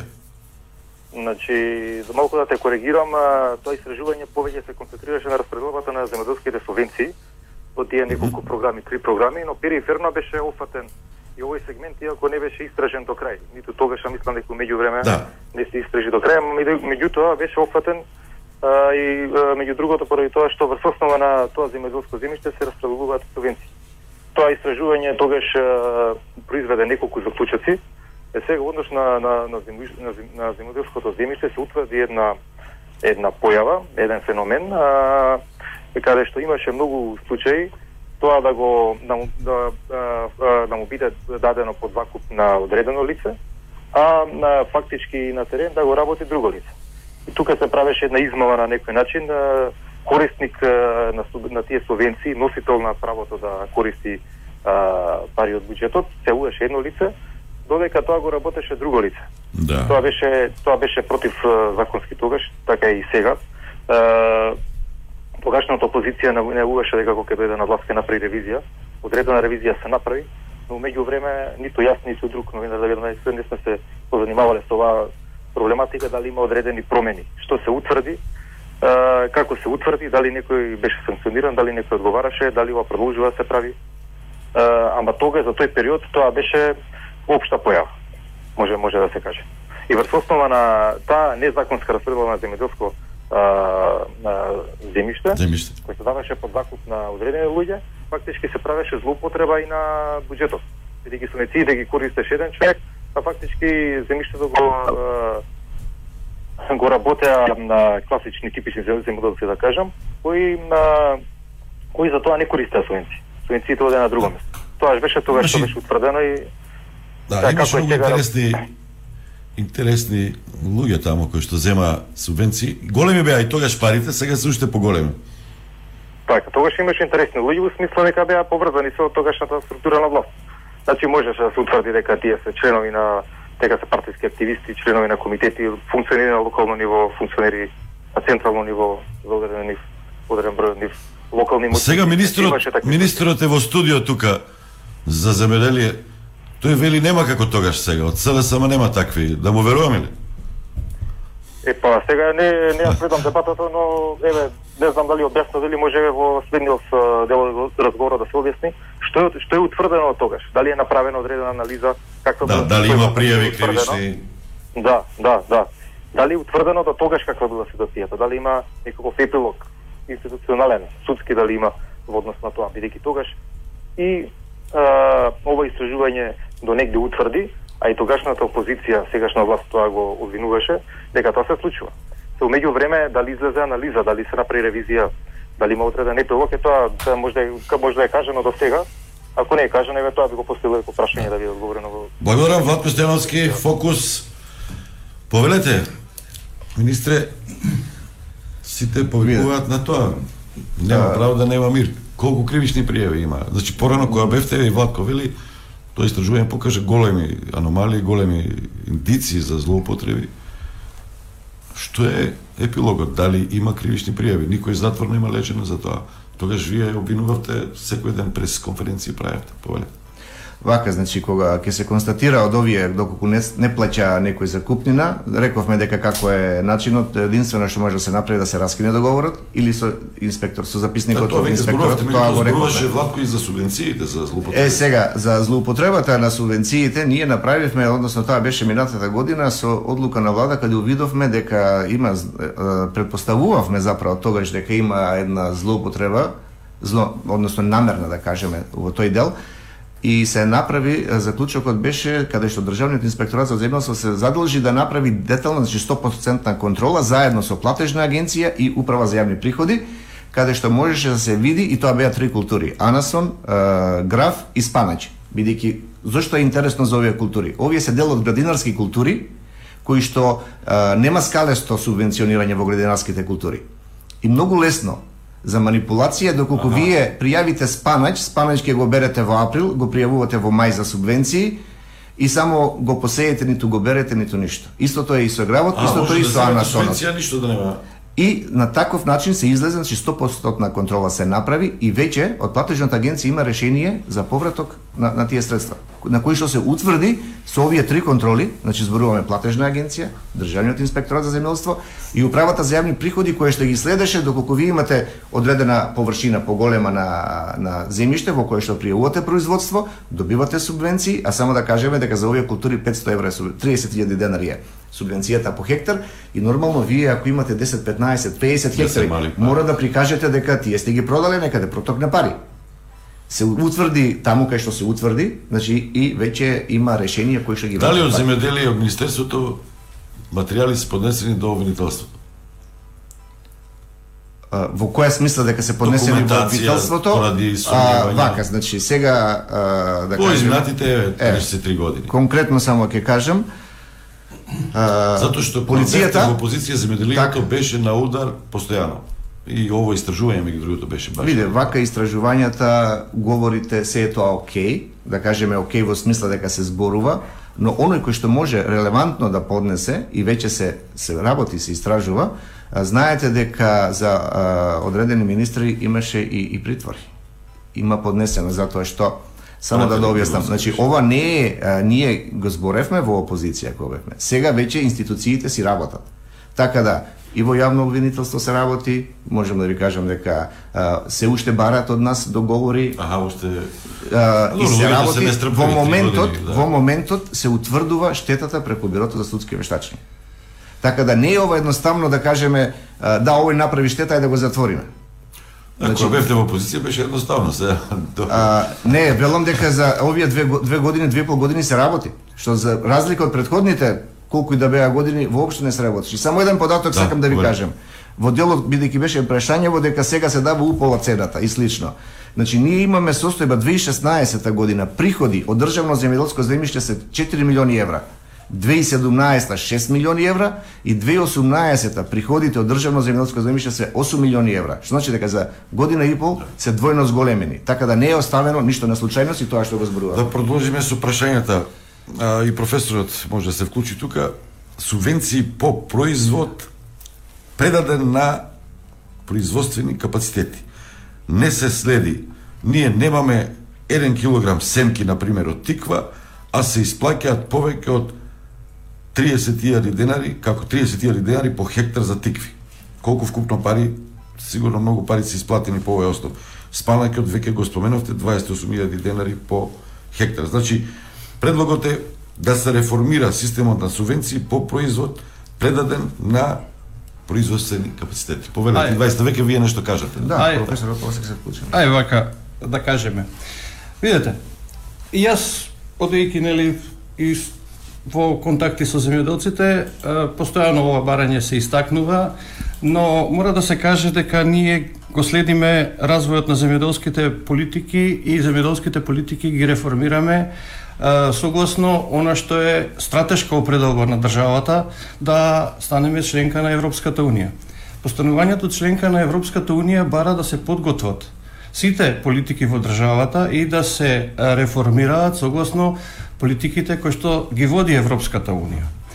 И тука е стратешка определба и ние затоа не можеме а, тоа да го направиме а, со би рекол со рез веднаш mm -hmm. да чекаме кога ќе станеме членка на Европската унија, него мора да ги прилагодуваме и затоа секоја година нас не следат и затоа во извештаите за, за напредокот на државата кон Европската унија има посебен дел за трите поглавја кои што се однесуваат на земјоделството. Ето, Не не строги ги- се тие не ги не ги следат значи политиките и а, се бара да политиките ние ги насочиме така земјоделските политики да го следат она што се случува во Европската добиеме да- ќе унија. добиеме Ќе датум, добиеме треба за датум и да- натаму уште ќе треба да ги зајакнуваме.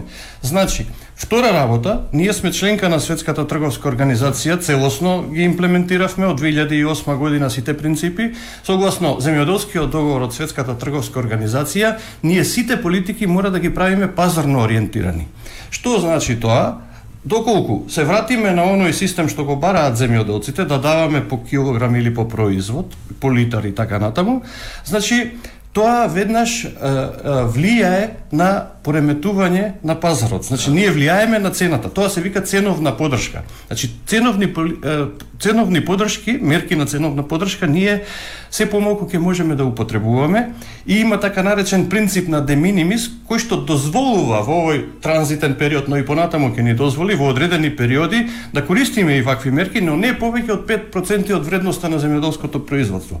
Затоа Значи, затоа трансформацијата што е направена во Европската унија 20 на години на назад, да сите а, подршки на земјоделството се трансферираат кон капацитетите, тоа се случува постепено и кај нас и натаму ќе се случува. И јас сум да ви кажам една работа. Министерот кажа малку предходно, знаете, земјоделците тука треба да го разберат тоа, дека кога даваме ценовна подршка, значи не знам, 2 денари за килограм грозие, тоа веднаш од купувачите го вкалкулираат во нивните цени и им ги намалуваат цените.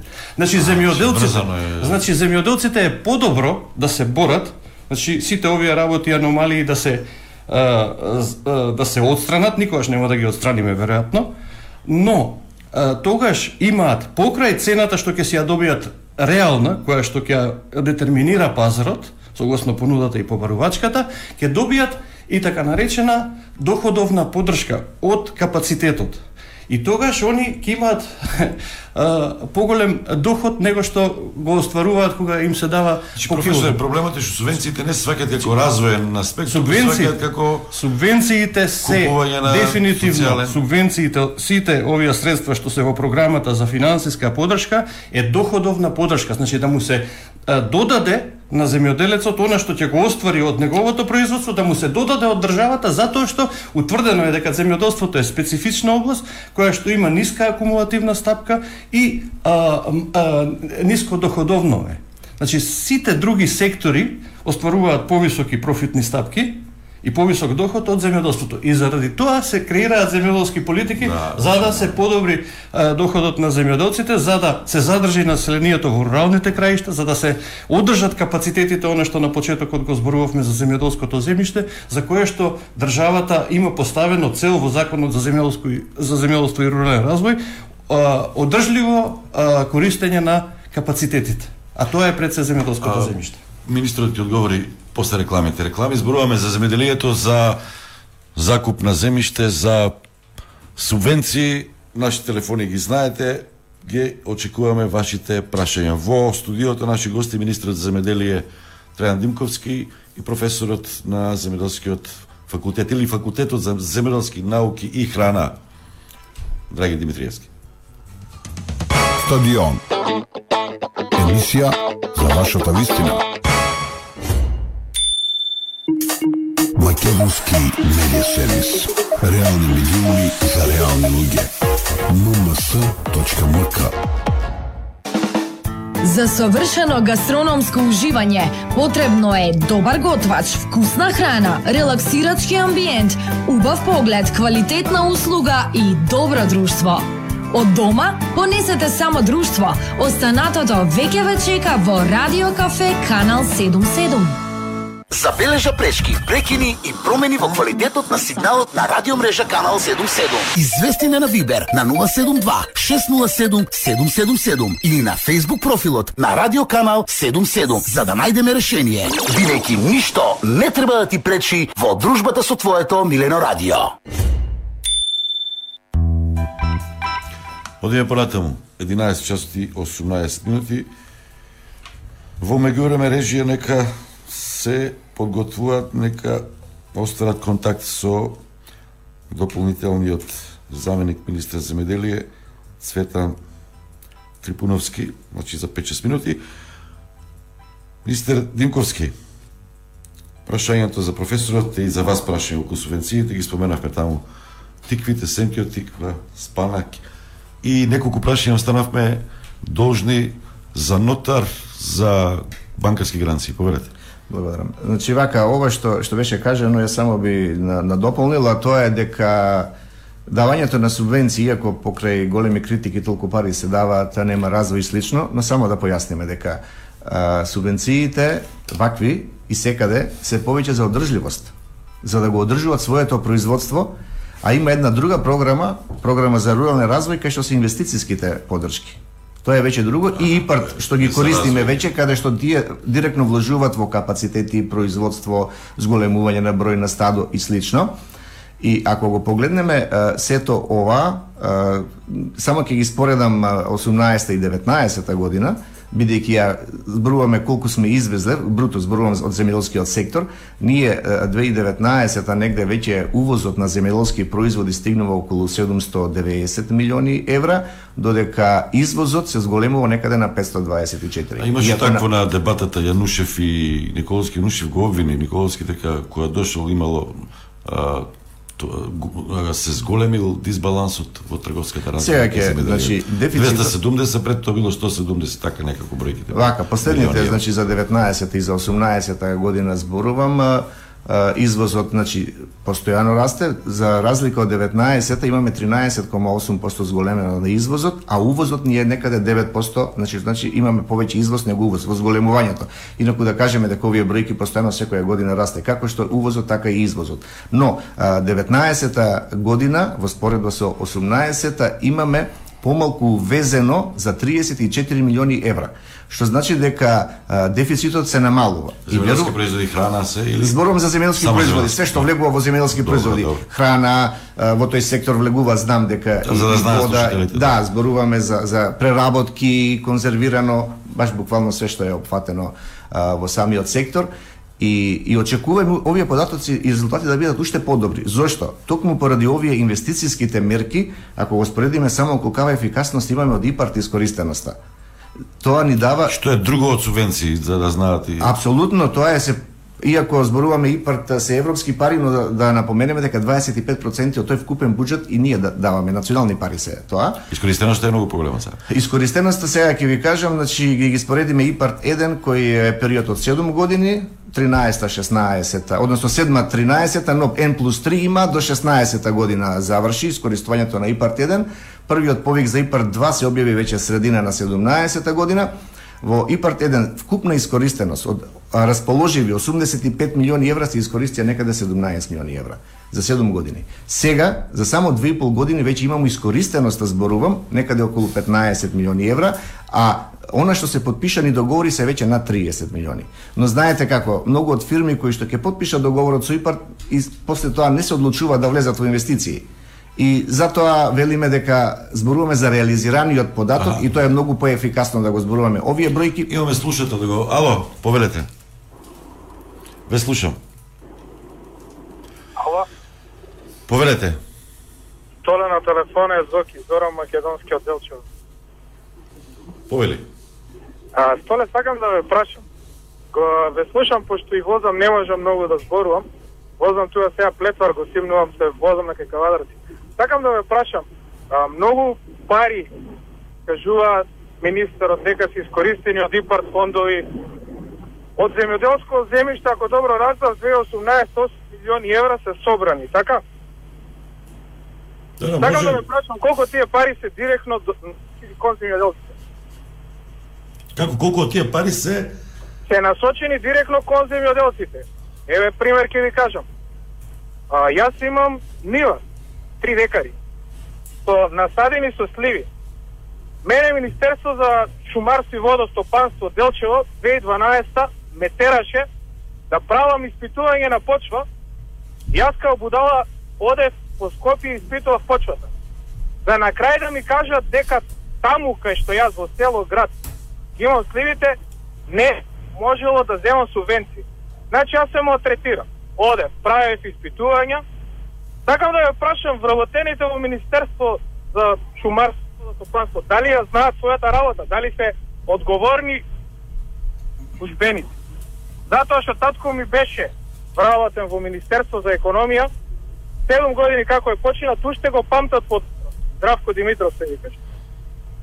Сега сакам да ве прашам, зошто, на пример, тие а, турбуленци, луѓето да ги шетате? Исто таква информација, еве, лани бев женет за девојка од Струмица Елена Милева, што имам слушано од струмичани, дека откуп во Струмица имало само за блиски до некој си зајко, некој кокорајко, премиер што ни бил.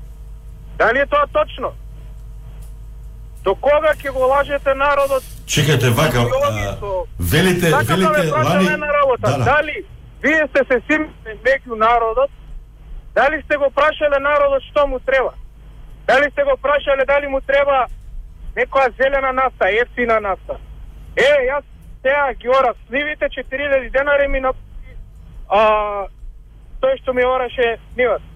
Он е разочаран за тоа што обидел да направи некој ладилник да ги замрзнува сливите. Еве ќе ве потсетам 2018, знаеш колку беа сливите во Делчот? 3 денари. Јас не ги не ги ни бере. Знаете зашто?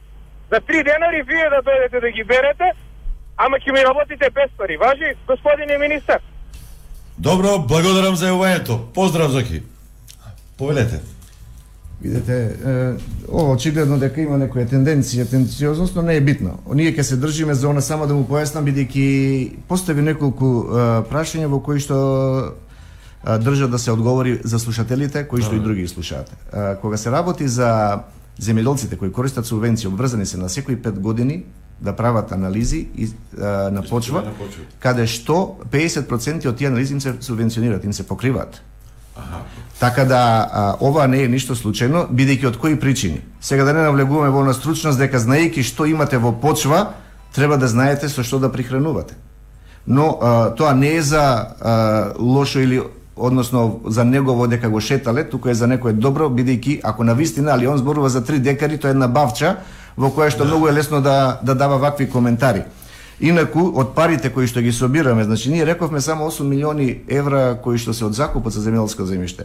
Државата од буџетот одвојува околу 150 милиони евра кои се враќаат назад кон земјоделците. И една работа, ова е неуместно да го кажува еден ваков мал земјоделец, не знам од кои мотиви, зошто?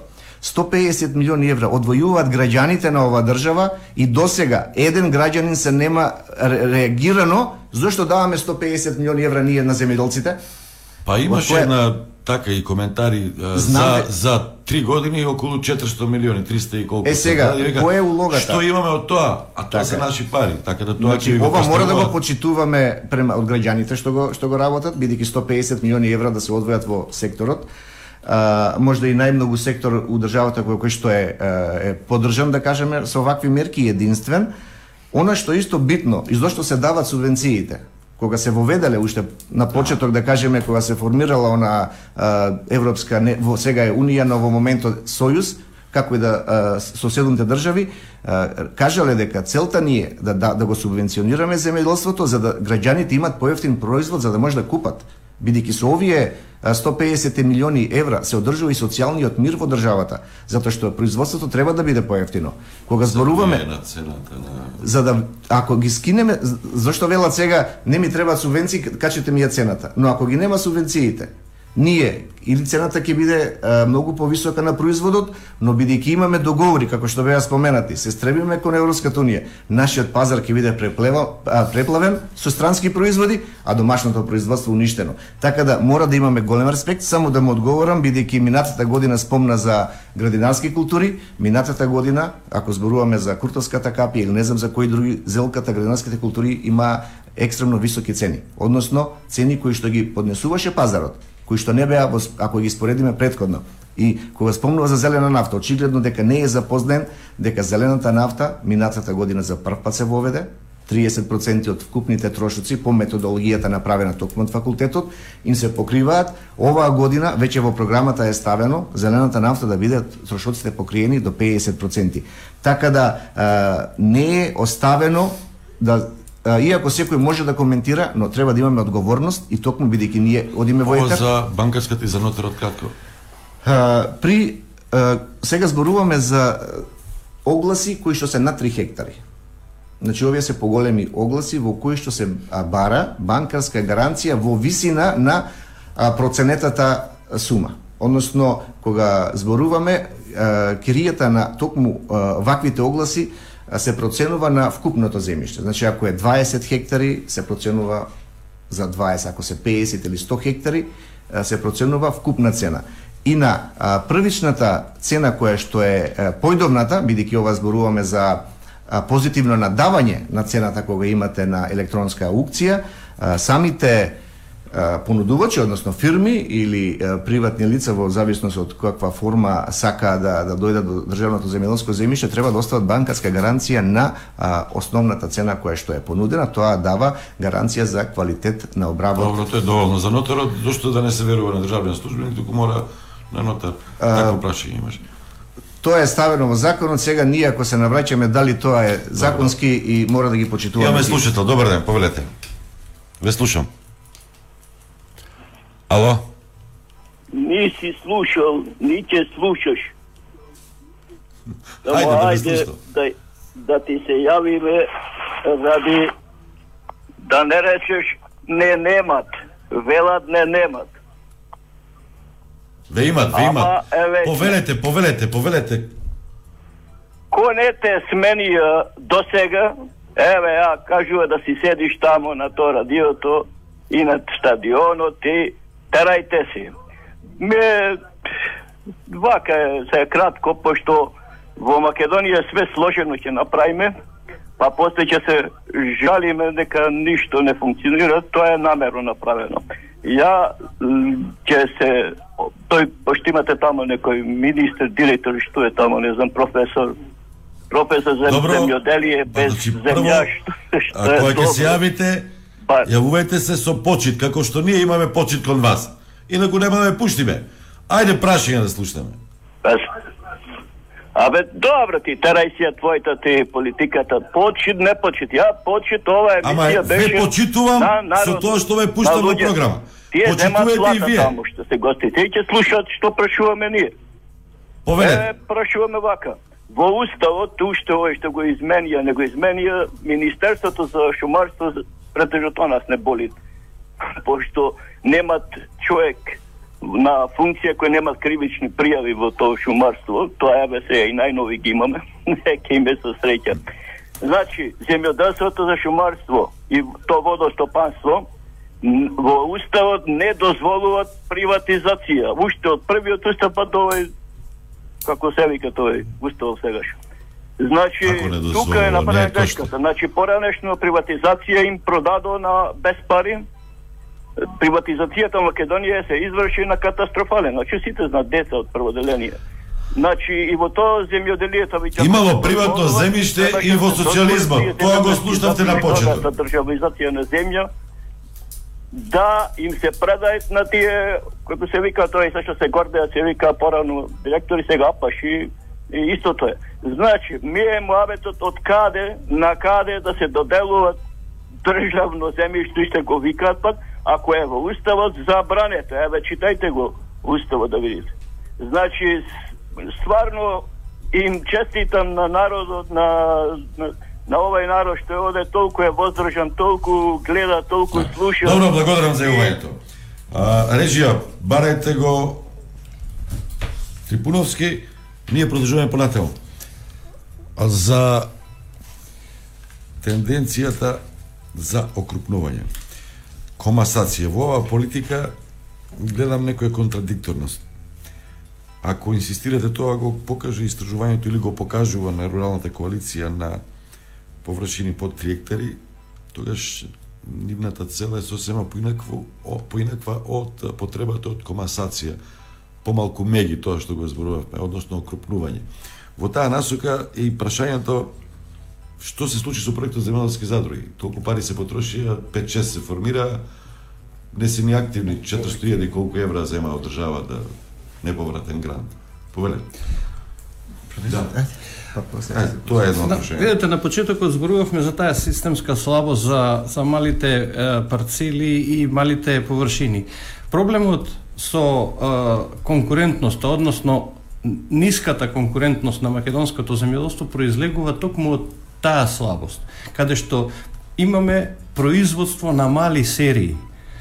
Земјоделските производители за да можат да имаат една пазарна премоќ и преговарачка моќ кога доаѓаат на пазарот, мора они да понудат поголемо количество, односно поголема серија на, на стандарден производ. Пазете, значи по, по квалитет, по, по, по сортна структура. А, ние денес се уште се бориме со изедначеност на производството и затоа затоа значи земјоделците не можат да постигнат повисоки цени. Една од би рекол решение за овој проблем е здружувањето. За жал, кај нас, јас сум го зборувал уште во 90-тите години, ага. кога доаѓаа уште првите е, проекти од Светска банка и, и USAID што подржува токму беше целта да се поттегне здружувањето на земјоделците. Меѓутоа, веројатно тоа е во психата на нашиот земјоделец да за она да, да си биде свој на своето, да не се здружува, веројатно по, е, и, и останало со генерации во генот од она што се случувало после Втората светска војна со така е лоша колектива, работа, колективи колективизацијата, да. значи кога е, голем дел од нив изгубиле е, капацитети и ресурси и тешко сега задруга кога ќе му кажете да да, да пристапи. он пристапи во таа работа. Е, она што треба да се да се работи се работи се, се сакаше да се направи, да се направи посебен закон за земјоделски задруги, бидејќи кај нас земјоделските задруги се третира со законот за задруги, каде што беа сите задруги. И имаше таму некои си критериуми кои што сметам и јас дека се ниски. Се направи, може би требаше треба да се да се размислува, да се подобри тој закон. Може би треба да се размислува земјоделските задруги тоа во друга насока, да се објасни дека тие ако се здружат не треба да ги здружат земјиштето и и другите капацитети, да се здружат на начин да, менаџирањето, производството, планирањето на производството. Слушате уште еден. Повелете. Ало, Ве слушам. Добар ден. Добар ден, Столе, поздрав и до гостинот. А, би сакал да го прашам Гостите, министерот. министерот и професорот. Повелете. Да, би сакал да го прашам министерот конкретно. А, во општина еден ден имаме земјоделски површини во атарите на селото Бујковци и село Бунарджик. А, се шират вести кај нас овдека дека со општината со помош на државата тие нас нивите ќе не ги одземат. Веќе емисари идат по куќите не нудат пари некои да не ги земат нивите. А таа земја е поприлично квалитетна. Дали дали министерот има некаква информација дали тоа точно? Само... Добро, запишете уште еден слушател. Добар ден. Ало? Ве слушам, повелете. Ве слушам. Добар ден. Добар ден. Поздрав до, до гостите. Имам едно прашање, ги слушам гостите зборуваат за зголемување на површини и така натаму. Uh, јас сум собственик на 150 хектари македонско обработливо земјиште, од кои што стотина се прва класа, другото се пасиште. Дали има некоја програма, некоја консултација, некој да даде како да почнеме? Јас не сум од земјоделска бранша, земјиштето ми е наследено, ама, ето, размислувам да почнам да работам со тоа. Дали има некоја институција, некоја служба во држава кој што може да помогне со совет, со документи, не сум ни млад земјоделец да земам до овај субвенции. Стручни совети се така. Како? Стручни совети такви ви треба, така? Па да, еве ви кажам, значи тоа е лично приватно земјиште без никаква Кој го работи тоа? Кој го работи тоа? Па никој затоа што е многу големо и требаат и совети и пари. Така да Значи тоа е празно, необработено земјиште. еднаш една година е обработувано и видовме дека уствари без сериозна механизација и сериозна инвестиција не може да се работи, не е тоа хектар два, тоа се 100 хектари обработливи. И Значи, Да, наместо има. да го продадете, вие сакате да го работите. Па не, не сакам да го продадам, тоа ми од дедо прадедо, ама сакам да, го работам. Еве, јас сум од друга бранша индустријска во, државава. Е па еве, повелете ке ви повелете Да кажат господа. Благодарам. Да. Благодарам за евојањето. Прво да за првиот слушател што се јави, сега ова околу Илинден што го спомна Бунарджик, не знаеме дали е тоа приватно, ако е приватно тоа земјиште не може да му го земе, односно ако е веќе со експроприација од државен интерес, тоа е нешто. А ако е државно, ја би го повикал најдобро да дое во министерството за да не отвараме спекулации овдека кој му се јавувал, кој му нудел пари и слично. Значи немавме целосни информации, но најдобро ќе биде вака да направиме да помине кај нас и, и да поразговараме детално. Инаку за за вториот што беше кој што има голем капитал би рекол, значи да се има 150 Со таа хектари, да. да се има 150 хектари приватно е, земјоделско земјиште е голем капитал. Во моментот оние изворите бидејќи сега зборуваме за еден бизнис, еден вид на бизнис кој што сериозно треба да се навлезе, државна институција, ако може така да ја кажем, која што може да поразговара и да му дадат одредени совети Агенцијата за потикнување и развојот на земјоделство, каде што во секој од градовите има своји канцеларии и секако доколку се реши може да биде корисник на неколку програми. Сега во зависност од неговата бизнис идеја, бидејќи тоа е исто така многу битно, од зависност од квалитетот на на почвата, може да биде корисник секако доколку се регистрира, не знам дали е веќе регистриран во единствениот регистар за земјоделски стопанства кај нас или па веќе со некое правно лице, може да биде корисник и на ИПРТ фондовите во разлика значи за за механизација која што имаме и во моментот еден отворен повик или пак преку а, наши национални програми каде што а, повеќе за него би било интересно да кажеме во сточарство, бидејќи имаме една едно правило каде се она што се финансира преку ИПАРТ не може да биде финансирано преку национална програма, а линијата на демаркацијата е некаде 3000 евра. И тоа се многу мали пари, ние зборуваме за еден ваков сериозен бизнис каде што ќе требаат голем капитал или преку банки во кои што може да користи одредени Кратко да ми дадете одговор на ова околу окрупнувањето тој да, процесот процесот на на консолидација кој е започна, тоа е исто така еден проект финансиран од Европската унија кој ФАО го спроведува кај нас.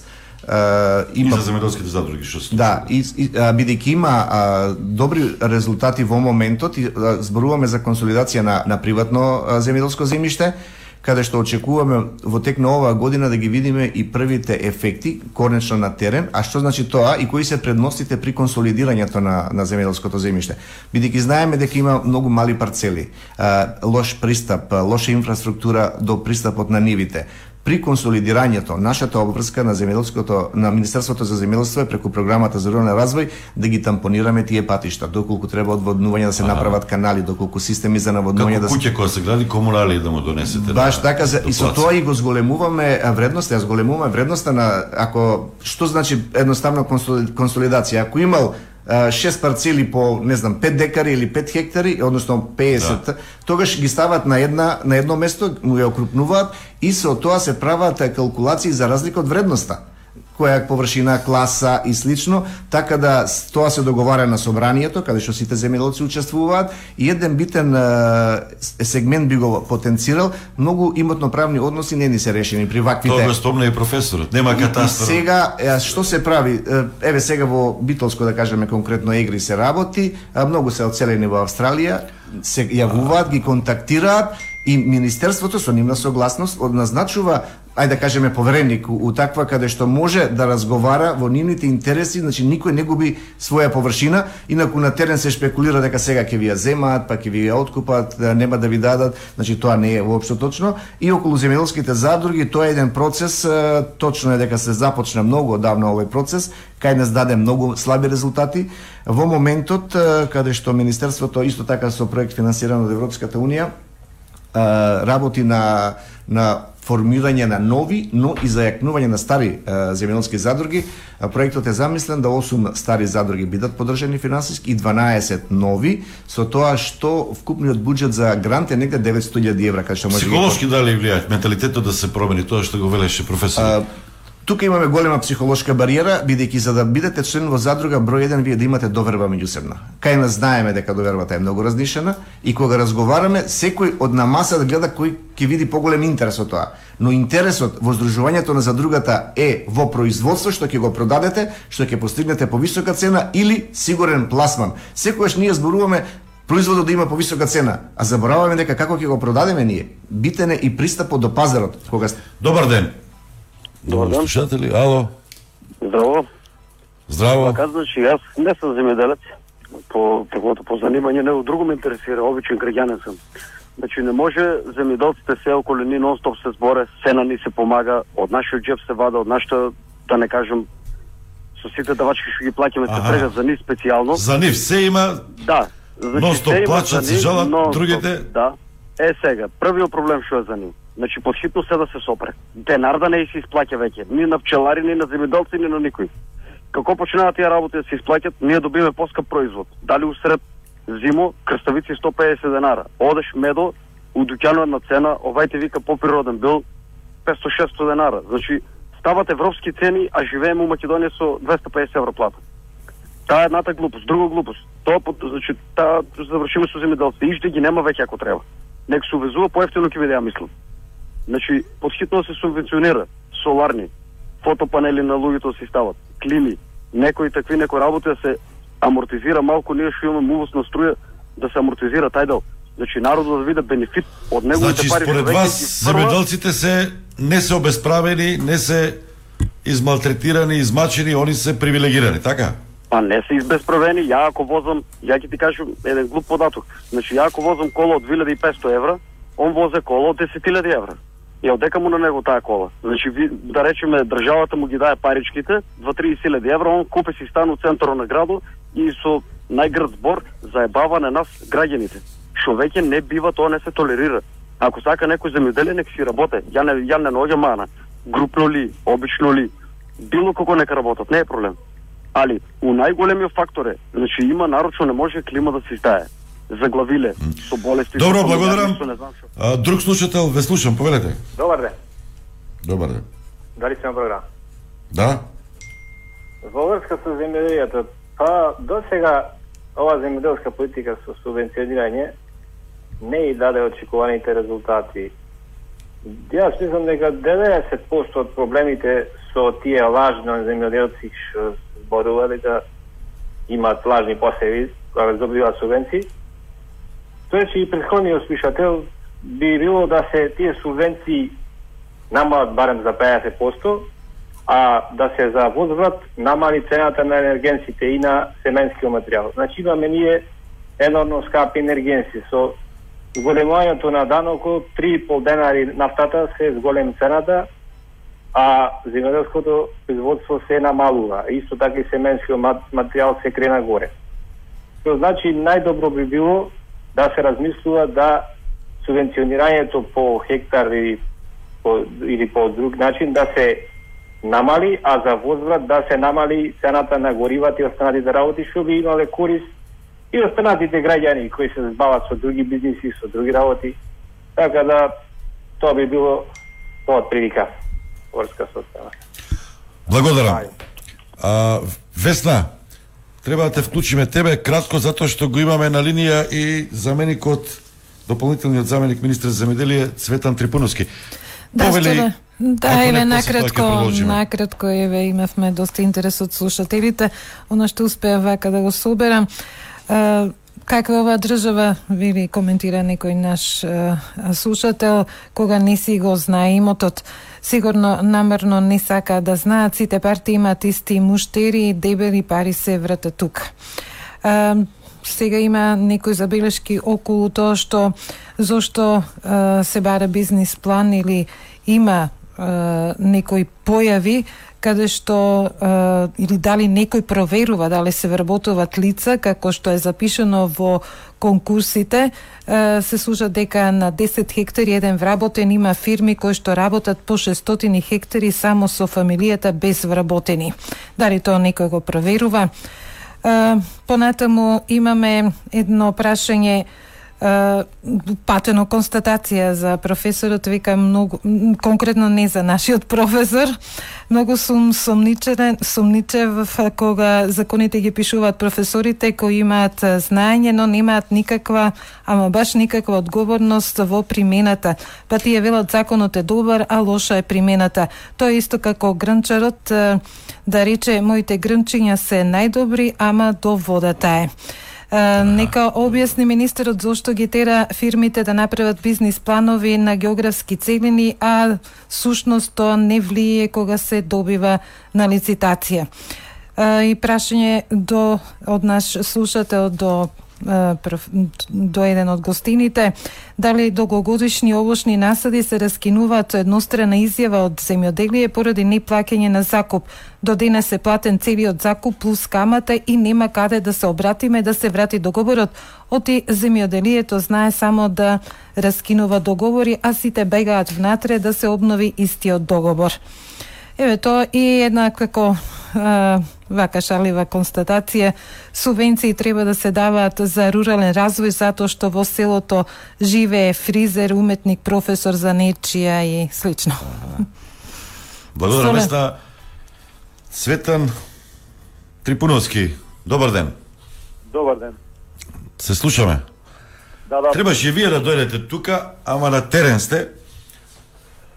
Ајде во друга Да, прилика. моите- Да, во Како ви оди на како ви оди на терен? Секојдневни помеѓу земјоделците и така. Па добро, се прилагодуваме на ново настанатите услови со коронавирусот, така да малце ги имаме редуцирано посетите, се со цел да не влијаеме дополнително на, на ширењето на, на вирус. Трипуновски се подсмиривте ли со со Димковски или уште сте во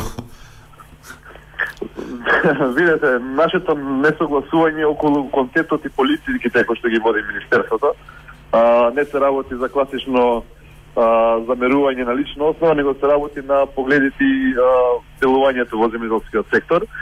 Практично ние и понатака комуницираме строго службено преку дописи, а, комуникација преку архивата на Министерството. А добро, тоа е добро и за актуелниот момент со коронавирусот. да се пошегуваме малку. Вака, а, Трипуновски, значи, кои се тие несогласувања? Имавте одредени обвинувања за узурпација и злоупотреба на распределбата до делувањето на државното земјиште и која веќе го споменавме коронавирусот, кратко да ми кажете, имате на Facebook веќе предложено да се одложи една активност која што е планирана за со земјоделците. Да, јас во изминатиот период неколку пати а, ја запознаат јавноста и институциите кои што треба да поведат постапки согласно прекршувањата на законите во делот на јавните повици, јавните огласи кои што ги има Министерството, односно при распределбата на земјоделското земјиште. Веќе неколку кривични пријави имам поднесени и против комисиите кои што работеле во овој дел и нормално против фасилниот министер кој што ги прекашал законите. А, се случува да на исти јавен повик а, двајца а, апликанти, двајца земјоделци добијат едно исто земјоделско земјиште што е а, социјално недозволиво и а, апсолутно кршење на процедурите и законите кои што треба да се почитуваат во моментот. А, знаете, во делот на земјишната политика во изминативен месец и половина имам откриено многу неправилности кои што се случувале. Нажалост, јас не можам да ги коригирам во моментов, затоа што тоа е а, политика која што води актуелниот министр, меѓутоа јас мојата обрска е да запознам јавноста, земјоделците дека се случуваат одредени неправилности и нормално согласно а, доказите кои што ги поседувам, а, имам изготвено, односно соодветни пријави до надлежните институции, се со цел да се исправи оваа неправда према а, овие корисници. А во делот на она што значи а, заштити и превенција од ширење на коронавирусот, а, вчера објавив на мојот а, Facebook профил, мето и во писмена форма преку архивата се обратив и до министрот и државниот секретар да се пролонгираат одредени рокови кои што а, важат а, со цел ажурирање на податоците преку подрачните единици на во фарм регистарот и стартувањето на, на парцелите на земјоделците да се продолжи овој рок, рок се со цел да не се ствара гужва на подрачни единици, односно да дополнително ја отежниме целова комуникација која што ја имаме со ново настаната ситуација околу ширењето на, на вирусот.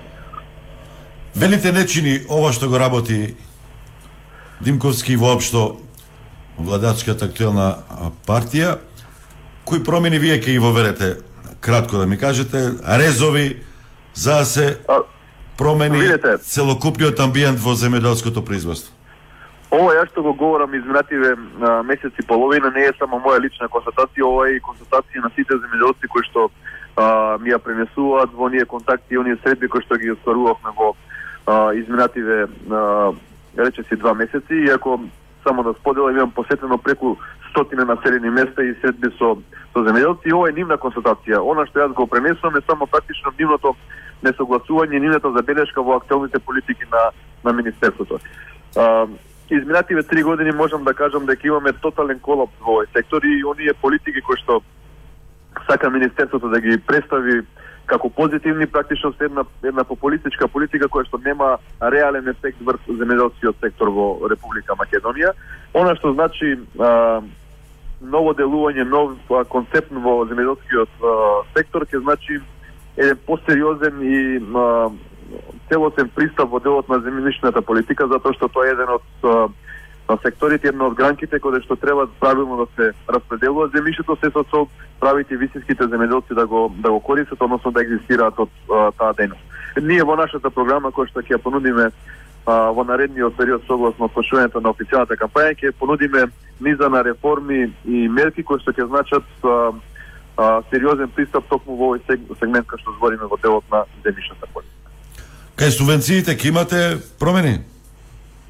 А, видете, субвенциите се методологија која што ја воспостави и пракса која што воспостави уште 2006-2007 година владата на ВМРО ДПМН, субвенционирањето ќе продолжи во Република Македонија. Тука ќе има одредени модификации, се со цел а, правична и навремена исплата на субвенциите. Сега би сакал да не откривам детали со оглед на тоа што во наредниот денови, наредниве денови ќе имаме официјална презентација на нашата програма, така да ќе почекаме некој ден да а, презентираме, мито би нагласил дека ќе имаме и тука одреден сет на мерки кои што ќе значат и олеснување на процедурите, мито и правилна и а, сериозна подршка на македонскиот земјоделец. Трипуновски уште прашања ако имате до министерот, до професорот Драги Димитриевски?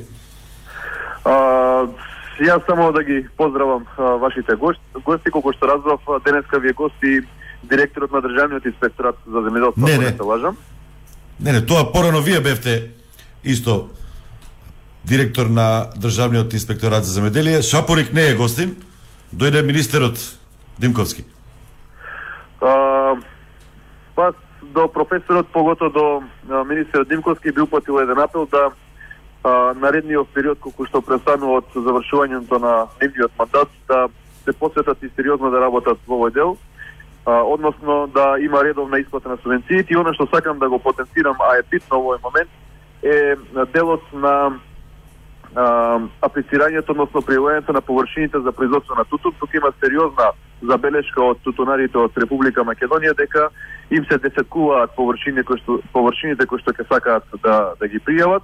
Едноставно тука треба да се реагира затоа што а, многу од тутунарите во Република Македонија покрај лошата 2000 19-20 откуп на тутун, со ваквите политики и ваквите пракси може да го колабира производството на тутун во нареднава реколта. Благодарам. Поздрав. Реклами па се враќаме на овие прашања. Стадион. Емисија за вашата вистина.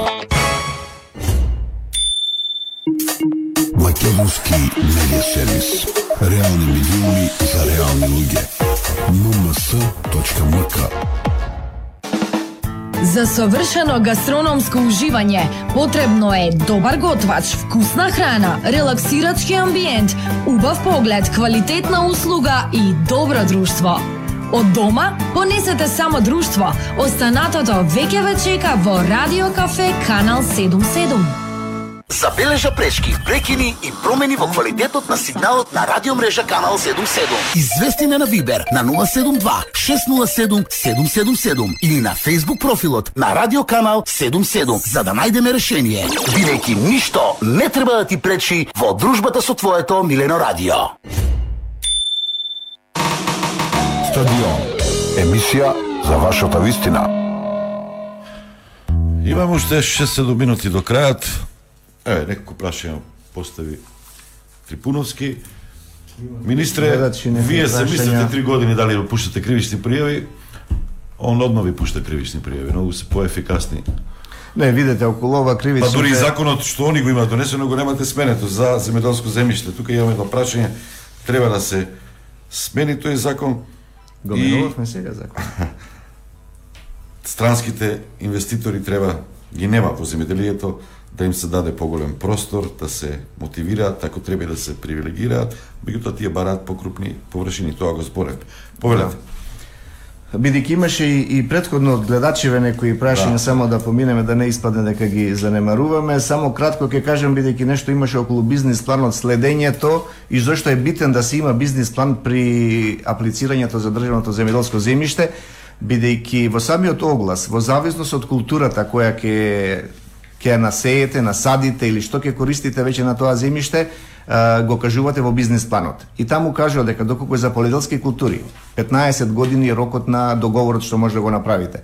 Доколку се работи за долгогодишни лозарство и овоштарски култури е 30 и веќе ако се оди за лешници веќе поголеми, тоа е веќе и до 70 или маслинки, оди околу 70 години. И затоа тој аспект е битен да се има бизнес планот, а при поднесување на бизнес планот Државниот инспекторат за земјоделство има обврска да го следи, а самите оператори, односно оние кои имаат договор, секоја година поднесуваат извештај дека се придржуваат кон бизнис планот. Тоа е постапката како што се функционира. Инаку сега околу дополнителниот, бидејќи каже имаме многу несогласувања во делот на политиките, што е лошо за секторот.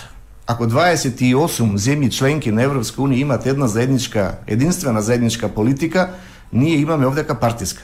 Ја тоа го зборам дека државата во земјоделството мора да има една, тоа е државна стратегија, стратешка политика. Ние ќе разговараме и ќе се усогласуваме, но тоа што ќе го договориме, тоа ќе биде стратегија на државата и затоа тука не би смеле да се играме поготово со секторот земјоделство, од кои причини е, го реков. Инаку спомна кривични пријави, прв пат објави на, на, на Facebook дека поднел, никогаш не кажа зошто се поднесени тие кривични пријави.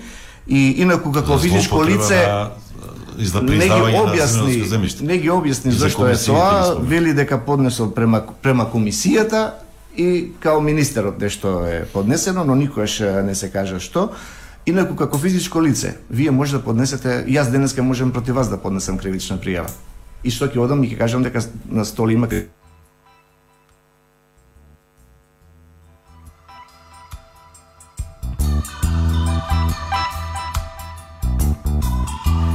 Ова беше се, почитувани слушатели, што ви подготвивме за денешното издание на Стадион. Зборувавме за уште еден парадокс во рамките на земјоделието, во чии раци е македонското земјоделие, дали на земјоделците или зелената мафија. Стадион